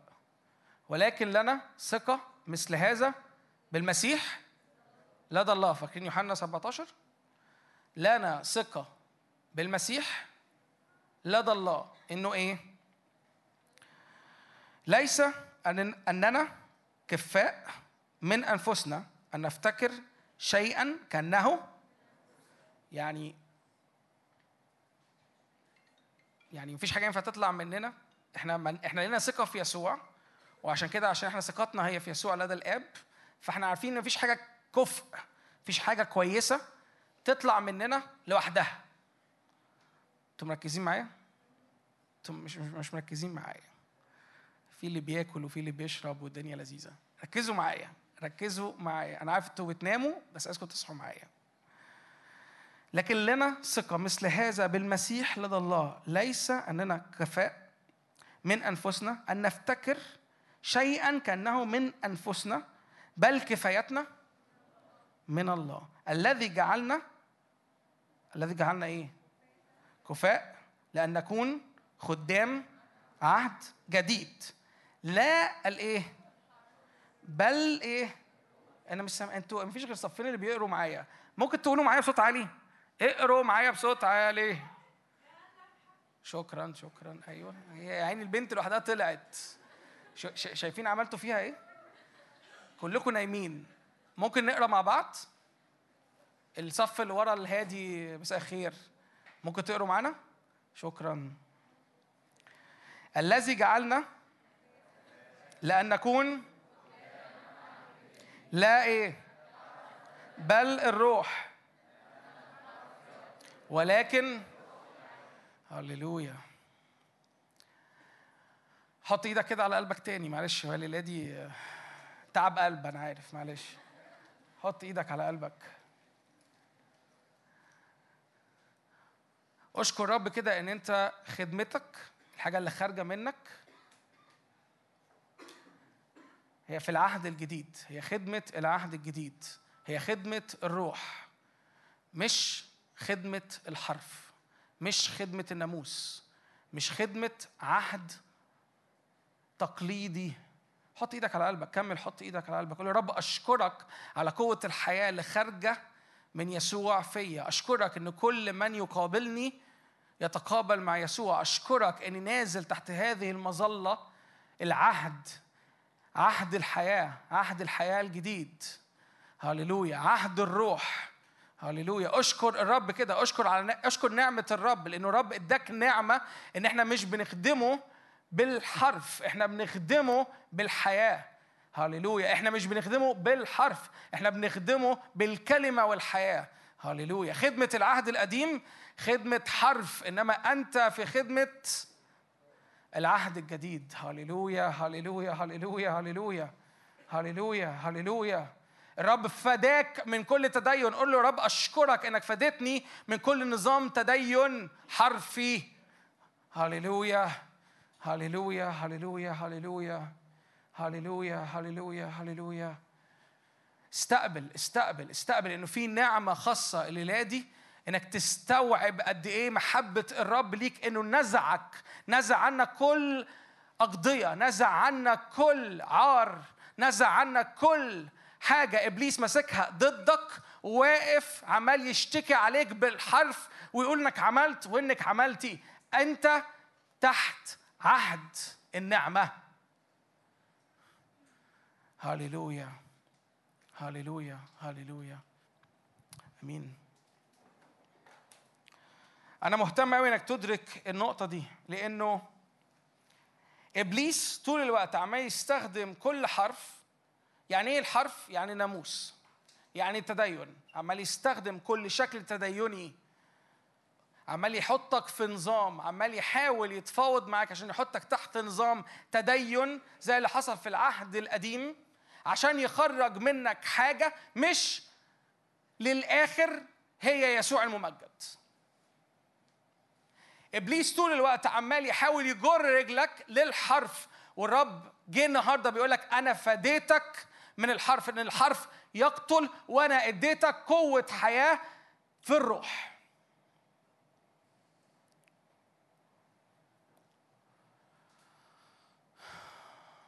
تقول لي يا سامر هو إيه الفرق بين الحرف والكلمة؟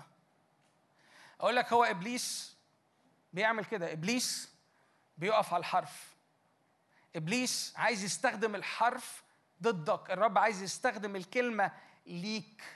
عشان يخرج منك حياة. ده اللي حصل في العهد القديم. اللي حصل في العهد القديم إن هم خدوا الشريعة وحولوها لحرف. والحرف بيعمل إيه؟ الحرف بيعمل إيه؟ أرجوك ركز معايا. أرجوك ما تكونش في علاقة مع يسوع بالحرف. أرجوك ما تستقبلش من يسوع ومن الرب ومن الثالوث أحرف. أنت مش بتحفظ. أنت مش حفيظ قدام يسوع. أنت مش واحد مش في علاقة مع يسوع. يسوع هو الكلمة. يسوع مش حرف.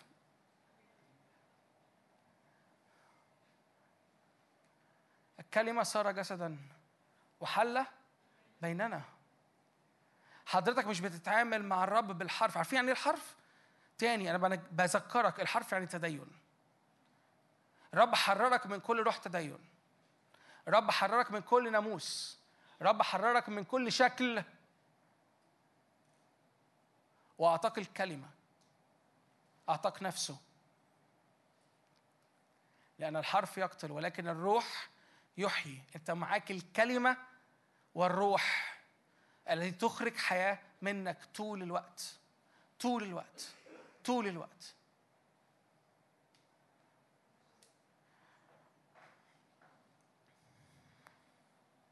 فاكرين إبليس لما كان في ال... كان واخد يسوع كده في البرية وعمال يجربه وعاملين عمالين يتناوشوا مع بعض بالكلام؟ فاكرين القصة دي؟ كم حد فاكر القصة دي؟ أقراها ولا أنتوا عارفينها؟ عارفينها؟ حافظينها؟ فاكرين إبليس كان يقول له ده مكتوب. يوم الرب يقول له بس هو مكتوب. صح؟ كأنها حرب كلام وكلها من الكلمة. إبليس عمال يصدر له تدين. عمال يقول له مكتوب. عمال يقول له مكتوب إنه لو نطيت من هنا يوصي ملائكته بك. ما تجرب تنتحر كده. ما تجرب تنط من فوق كده ون ونشوف اللي بيحصل. مش مكتوب. فالرب يسوع يوم رد عليه من المكتوب. يقول له لا تجرب إيه؟ الرب إلهك. إبليس عمال يطلع شكاية ودينونة وناموس باستخدام الكلمة ويسوع عمال يخرج لك أو باستخدام الحرف أنا آسف ويسوع بيفرز لك وبيخرج لك بيخرج لك طبيعته اللي ليها علاقة بالآب. لا تجرب الرب إلهك. دي المحبة اللي ما بيني وما بين الآب كابن. أنا مين عشان أجرب الرب؟ الحرف يقتل الروح يحيي.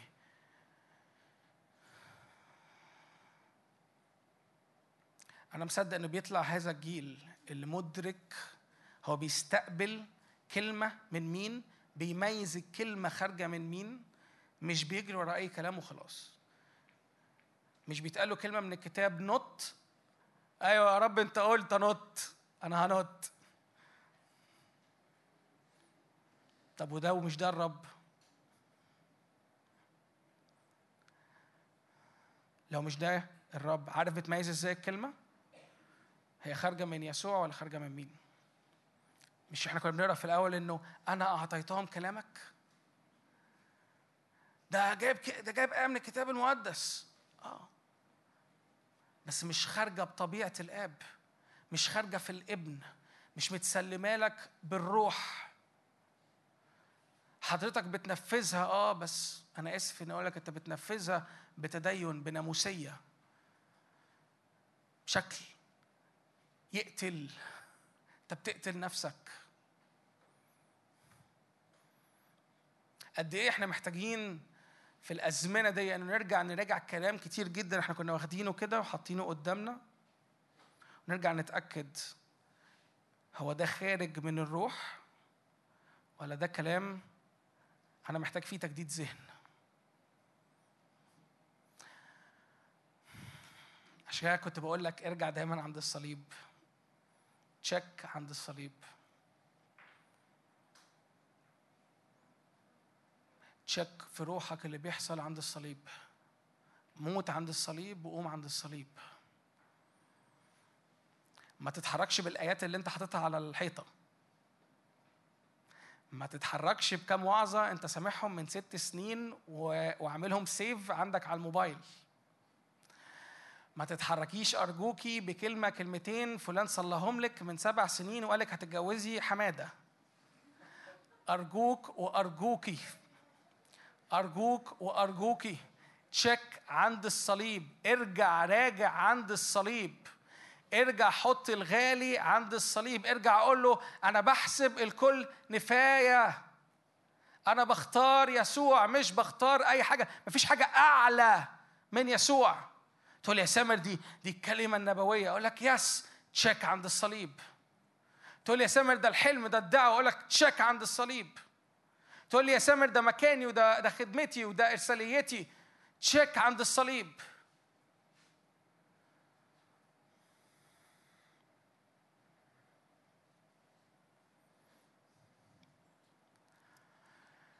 الحرف يقتل الروح يحيي.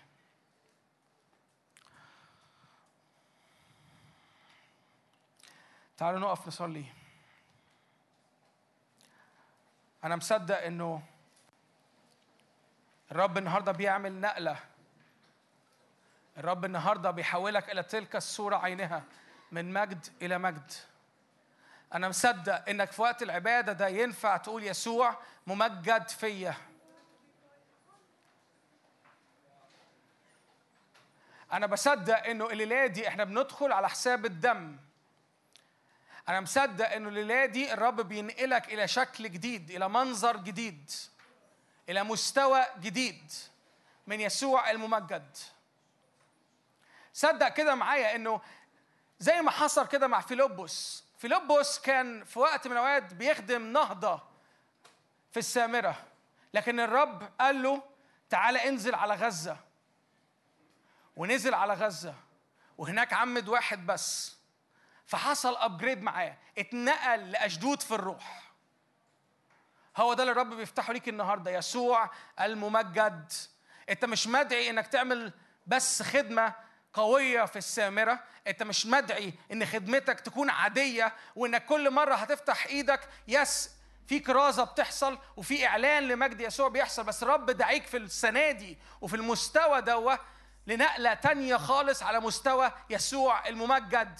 مش الطبيعي حتى في الخدمة. مش إنك تحط إيدك على المرضى فيخفوا. الرب دعيك لمستوى أعلى من كده. الرب دعيك إنك تكون في نفس هذا المستوى العلاقة اللي كان ما بين يسوع والآب. يسوع الممجد. فتعمد واحد بس توجد في أشدود. عارفين؟ أقول لكم حاجة. أشدود يعني إيه؟ يعني يعني حصن. يعني مدينة محصنة. كان لازم فيلبس يعمد الخص الحبشي عشان يخترق هذا الحصن. أنتوا عارفين تاريخيا أشدود دي حصن لمين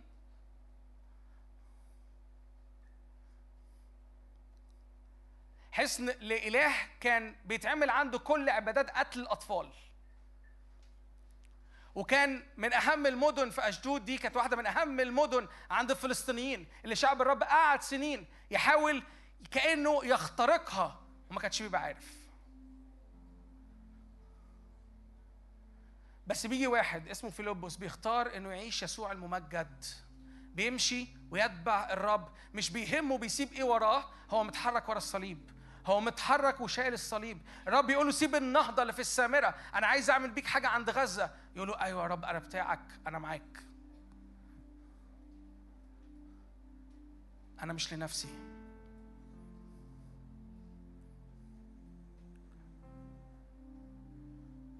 يسوع ممجد فيا. عشان كده أنا بصدق إنه أنت محتاج تقف بالإيمان. أنت محتاج تقف بالإيمان وتقول له يا رب أنا النهارده باجي عند الصليب بأنسى ما وراء. أنا بختار بإرادتي إني أطلع بره حزني.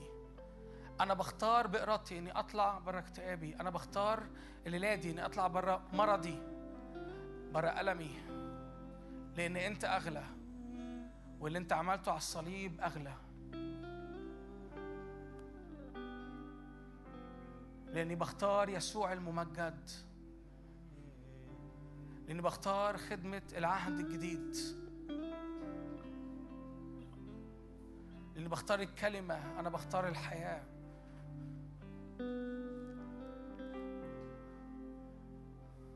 أنا بختار يسوع.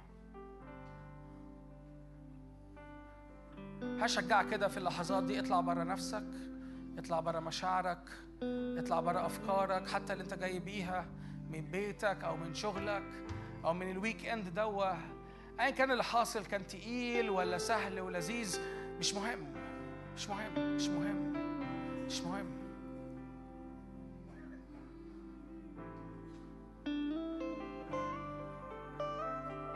انت أغلى عندي. انت اغلى عندي صليبك اغلى حبك اغلى طبيعتك اغلى.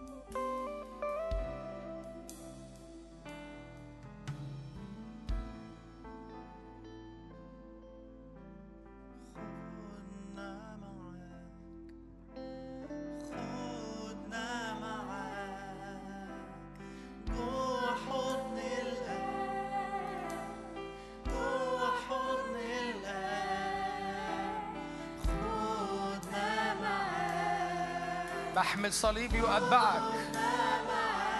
هللويا.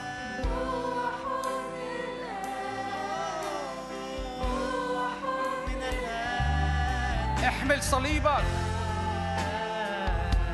اتبع يسوع.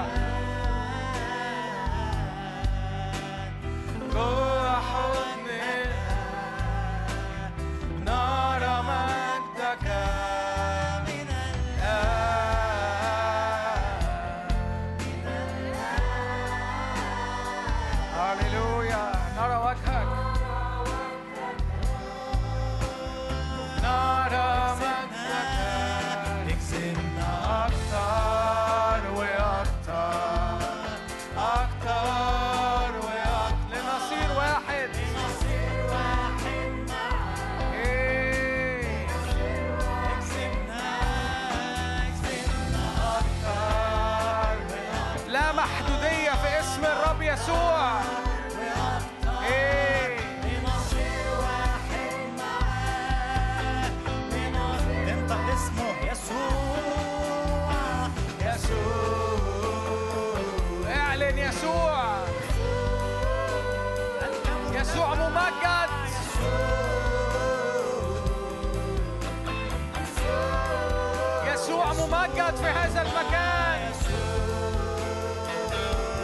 برافو مجد فيك وفيكي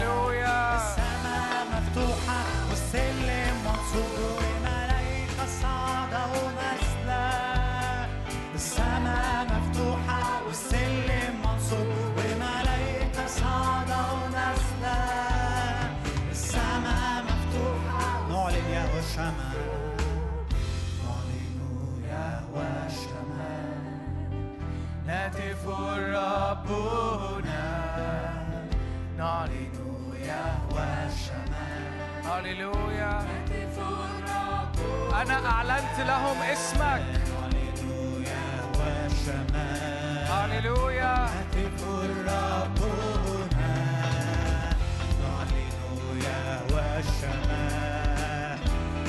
for our poor.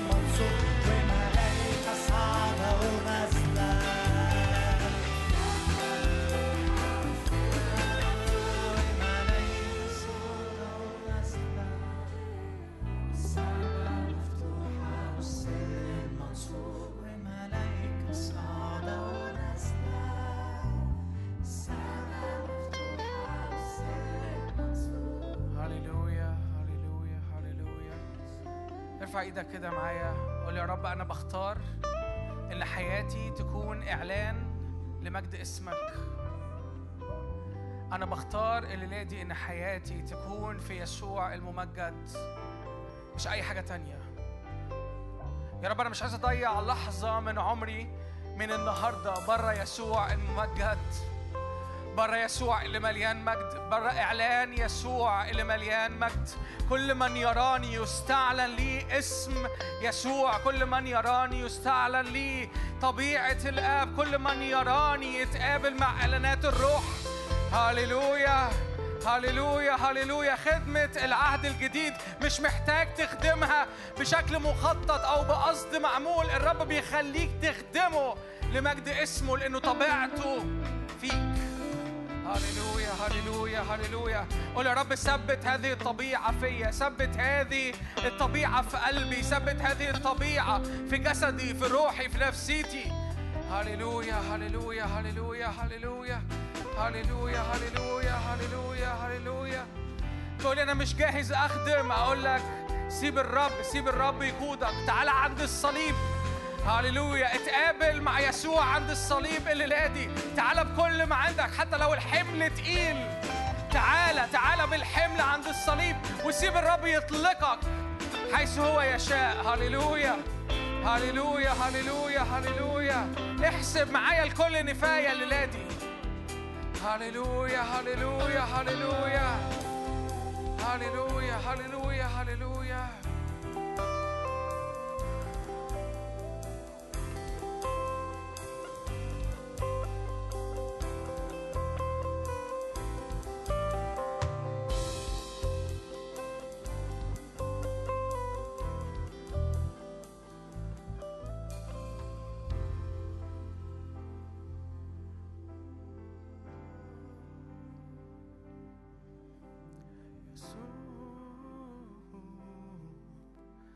يسوع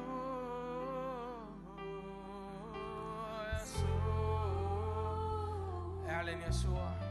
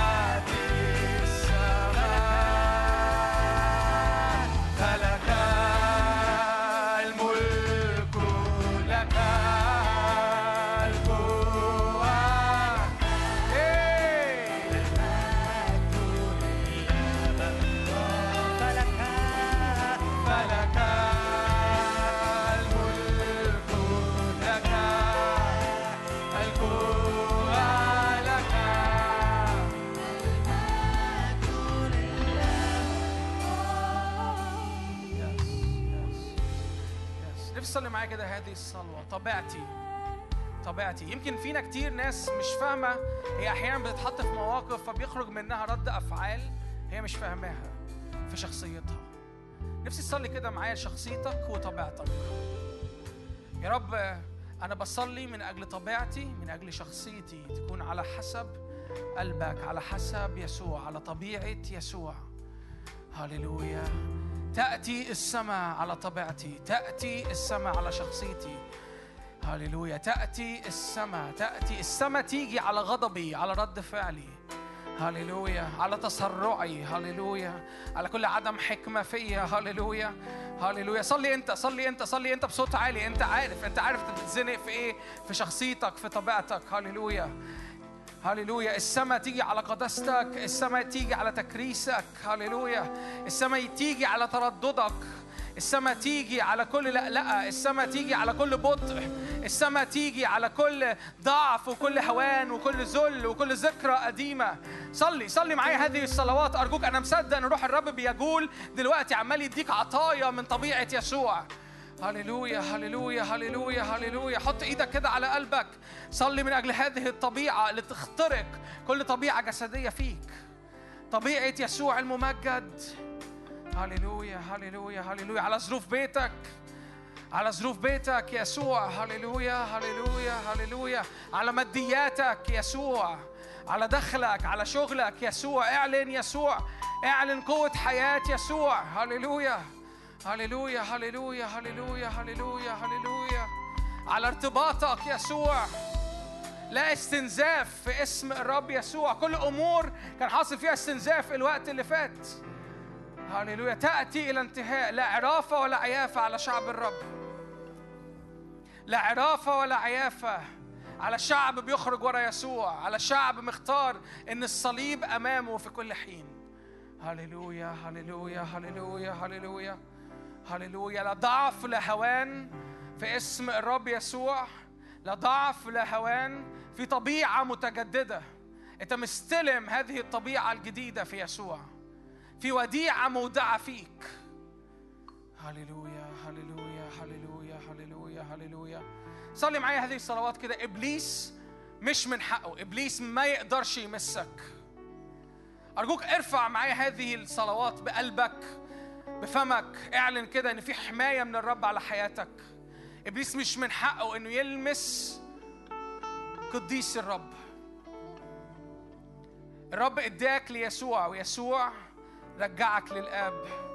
هللويا هللويا هللويا هللويا. أنت في وسط هذا الثالوث القدوس. أنت وسط هذه الترددات. إبليس ما يقدرش يخترق الثالوث. هللويا. إبليس ما يقدرش يخترق الثالوث. إبليس فاشل جدا. إبليس مغلوب مغلوب مغلوب. بكل مؤامراته بكل أفكاره ما يقدرش يلمس الثالوث. هللويا. ادرك كده الليلة دي انت في وسط في وسط هذا الثالوث. ده موقعك دلوقتي ده موقعك دلوقتي ده مكانك دلوقتي. انت محمي انت محمي انت محمي انت محمي انت محمي من أي ظروف خارجية. هللويا هللويا هللويا هللويا هللويا. لو انت شاعر كده انه في أي الوقت اللي فات هجمة على جسدك من أمراض معلش ارفع إيدك كده معايا. في اسم يسوع في اسم يسوع في اسم يسوع في اسم يسوع. رب أشكرك يا رب إنه أجسادنا في الثالوث. مش بس مش بس روحنا مش بس أنفسنا مش بس مشاعرنا لكن أجسادنا محفوظة في الثالوث. اعلن كده معايا جسد الرب الممجد ليس به أي مرض. هللويا. جسد يسوع الممجد ما فيهوش مرض. هللويا. جسد يسوع الممجد أنت عظم من عظامه أنت لحم من لحمه أنت جسد يسوع الممجد. هللويا. كل روح مرض يهرب الآن في اسم الرب يسوع. كل وجع في الظهر كل خشونة في الركب كل وجع في العينين في اسم الرب يسوع. كل صداع نصفي كل مايجرين في اسم الرب يسوع. هللويا. اعلن اعلن اعلن. جسد يسوع ممجد جسدك ممجد في يسوع. هللويا هللويا هللويا. عايز أصلي من أجل ال- الضغط والسكر. عايز أصلي من كل أمراض مزمنة في اسم الرب يسوع. حماية الرب حماية الرب حماية الرب على كل أنظمة جسدك. في اسم الرب يسوع في اسم الرب يسوع. إبليس ملوش الحق إنه يلخبط أي حاجة فيك. إبليس ملوش الحق إنه يلعب في أي خلايا فيك. إبليس ملوش السلطان إنه يمد إيده لأي عضو من أعضائك لا الكبد ولا الكلى ولا كل فانكشنز في جسدك محمية لأنه أنت في جسد المسيح الممجد. هللويا هللويا هللويا هللويا هللويا يا رب اشكرك اشكرك اشكرك انك غيران علينا للاخر هللويا هللويا هللويا يا رب اشكرك اشكرك انه في شعب بيخرج هنا مشفي للاخر في جيل بيخرج عنده شهاده الشفاء ياس يا رب ياس يا رب اؤمن الرب دلوقتي بيعمل معجزات. اؤمن الرب دلوقتي بيلمس ظهرك. اؤمن الرب بيلمس عينيك. اؤمن الرب بيشفي كل ضعف في جسدك. اؤمن الرب بيشفي كل ضعف وكل كل هذيان كده كل دوخة وكل تعب في اسم الرب يسوع. هللويا هللويا هللويا هللويا. هللويا هللويا. لا هوان لا هوان لا تعب لا هذيان في اسم الرب يسوع. هللويا هللويا هللويا هللويا هللويا هللويا هللويا عند الصليب في دم بينسكب بيبرئ جسدك اعلن كده معايا اعلن كده معايا جسدك عند الصليب جسدك عند الصليب جسدك عند الصليب الآن وفي دم بيت- بيتسكب عليك يا رب أشكرك من أجل هذا الدم أشكرك من أجل عمل الدم أشكرك من أجل عمل الفداء الكامل الكامل هللويا هللويا هللويا. لا عرافة ولا عيافة على أجسادنا لا عرافة ولا عيافة على أنفسنا لا عرافة ولا عيافة على علاقاتنا. صلي من أجل حتى لو أنت مريض كده صلي من أجل العلاقات اللي أنت فيها. صلي من أجل علاقاتك صلي من أجل العلاقات صلي من أجل الناس اللي أنت تقعد معاها. صلي معايا هذه الصلوات. يا رب أشكرك إن يا رب أي قعدة أنا بدخلها يا رب يستعلن يسوع الممجد. هللويا هللويا هللويا هللويا تقول يا سامر انت عملت الشيفت ده ليه ما بين ال- الصلاة للمرض والصلاة للعلاقات؟ لأنه في ربط ما بينهم. لأنك ممكن تكون بتقعد مع ناس فاتحة أمور على جسدك وفاتحة أمور على نفسيتك. فارفع إيدك كده من أجل كل علاقات أنت فيها. هللويا هللويا هللويا هللويا هللويا علاقاتك بالكامل عند الصليب. صداقاتك بالكامل عند الصليب. هللويا إبراء بالكامل لكل كلام بيحصل. إيه كل كلام مش بيمجد. يسوع يبطل الآن في اسم الرب يسوع. ياس يا رب ياس يا رب. كل بوابات غلط مفتوحة من كلام من ناس مش المفروض نكون واقفين معاهم. يبطل الآن في اسم الرب يسوع. تتقفل هذه البوابات. كل شكاية خارجة من ناس تبطل الآن. كل حد بيعمل حالة خداع بيقول لك إنه صاحبك وهو بيلعنك. من ورا ظهرك يبطل الآن في اسم الرب يسوع.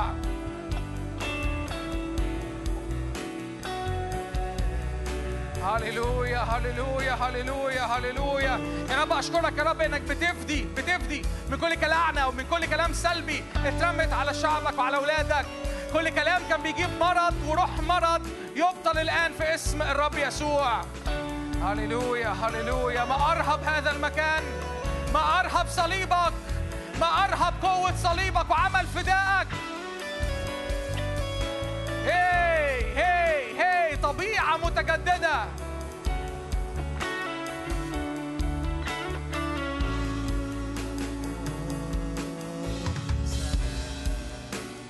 أنت تعطي سلام.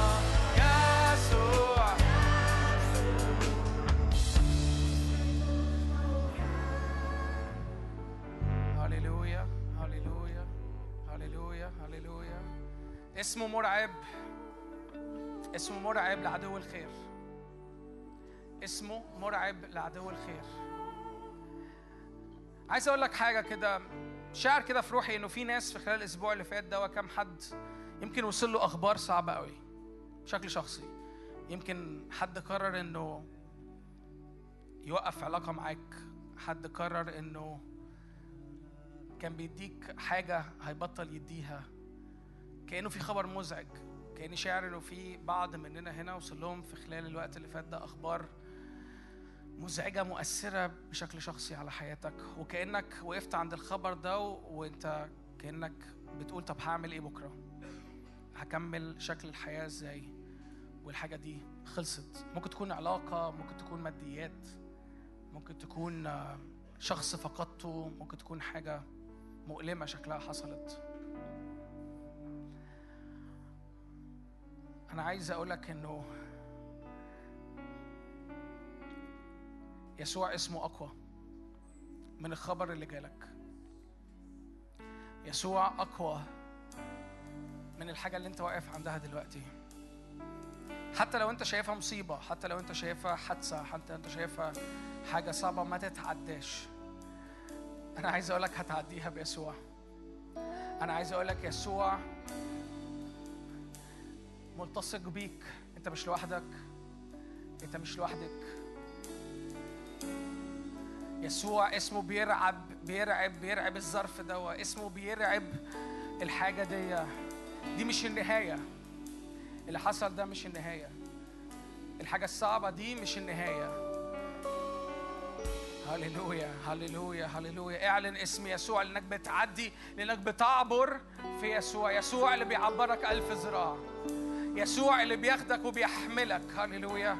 ده وقت تتكل عليه ده وقت تيجي عليه ده وقت انك تستخبى في اسمه تستخبى في قوته اللي بترعب عدو الخير. انت مش متعري انت محمي لأنه البكر بيحميك لأنه بابا الآب بيحميك لأنه الروح بيغطيك. هللويا هللويا هللويا.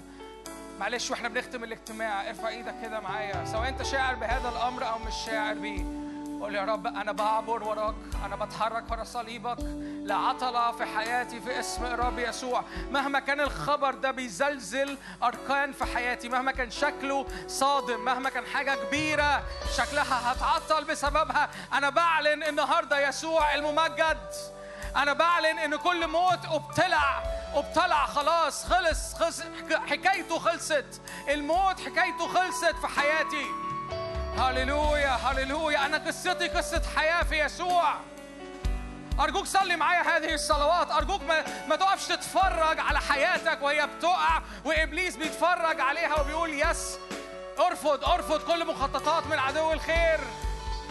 هللويا هللويا هللويا. هللويا هللويا. قاوموا إبليس يهرب منكم. قاوم إبليس يهرب ببساطة. اعلن يسوع. فابليس بيهرب. هللويا هللويا هللويا هللويا هللويا. عدو الخير ملوش سلطان على حياتك. عدو الخير ملوش إنه يذيع أخبار مزعجة في حياتك. عدو الخير ما يستاهلش إن حياتك تقف عشانه. عدو الخير ما يستاهلش إن حياتك تبطأ عشانه. يسوع ممجد فيك. اعلن اعلن يسوع ممجد فيا. يسوع ممجد فيا. يا عدو الخير أنا هعدي كل أخبار لأن يسوع ممجد. ده الخبر اللي عندي. يا عدو الخير يسوع ممجد فيا. هي هي هي. لا أموت بل أحيا في اسم الرب يسوع. لا أموت بل أحيا في اسم الرب يسوع. هللويا هللويا هللويا هللويا هللويا هللويا هللويا الرب بينزع منك كل موت وكل طبيعة موت وكل روح موت. هللويا هللويا هللويا هللويا فافتح إيدك كده قدامك في نهاية الاجتماع. قول يا روح الله املاني املاني املاني بيسوع املاني بإعلانات يسوع املاني بطبيعة يسوع الممجد. أنا أنا أنا أنا ماسك في حضن ثوبك النهارده. املأني المسني. هللويا هللويا هللويا هللويا هللويا هللويا هللويا هللويا. يا روح الله يا روح الله يا روح الله يا روح الله يا روح الله. قول له يا روح الله.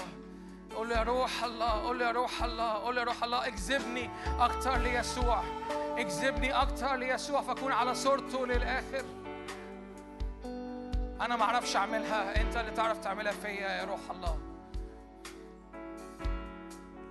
هللويا هللويا.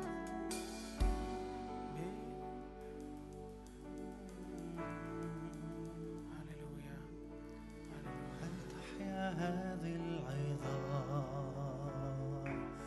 والجالسون في أرض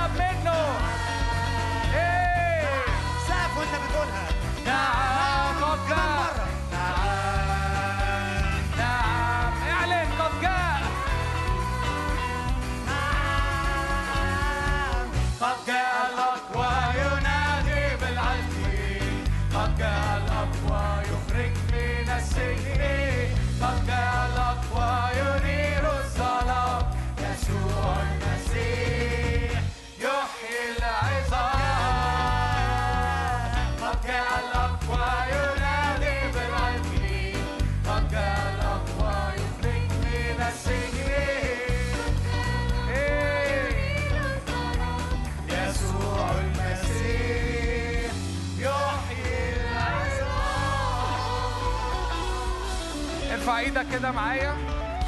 هللويا هللويا هللويا. تعالوا نصلي كده الأسبوع ده ونعلن نعمة الرب نعلن محبة الرب على هذه السبع أيام السبع أيام مليانين مليانين من قوة مليانين من إعلانات يسوع الممجد مليانين من استقبال يسوع الممجد في كل ظرف في حياتك الشخصية. في اسم الرب يسوع. الرب كده بيختم على هذا الأسبوع بنعمة وبقوة إنه لا بالقوة ولا بالقدرة لكن بروحي قال رب الجنود أنا سأصنع هذا لمجد اسمي. هللويا. عايز أقول لك كده رب يقول لك قومي استنيري إنه قد جاء نورك ومجد الرب اشرق عليك. سبعة أيام مليانين بالنور سبع أيام مليانين بالإيمان سبع أيام مليانين بالثقة في يسوع الغالب. هللويا هللويا هللويا. بنحبك بنعلنك في هذا المكان دايما عال ومرتفع. أنت وحدك مستحق أن تأخذ الكرامة والمجد القدرة والغنى إلى أبد الأبدين. كل شعب الرب قال إيه آمين آمين آمين. يس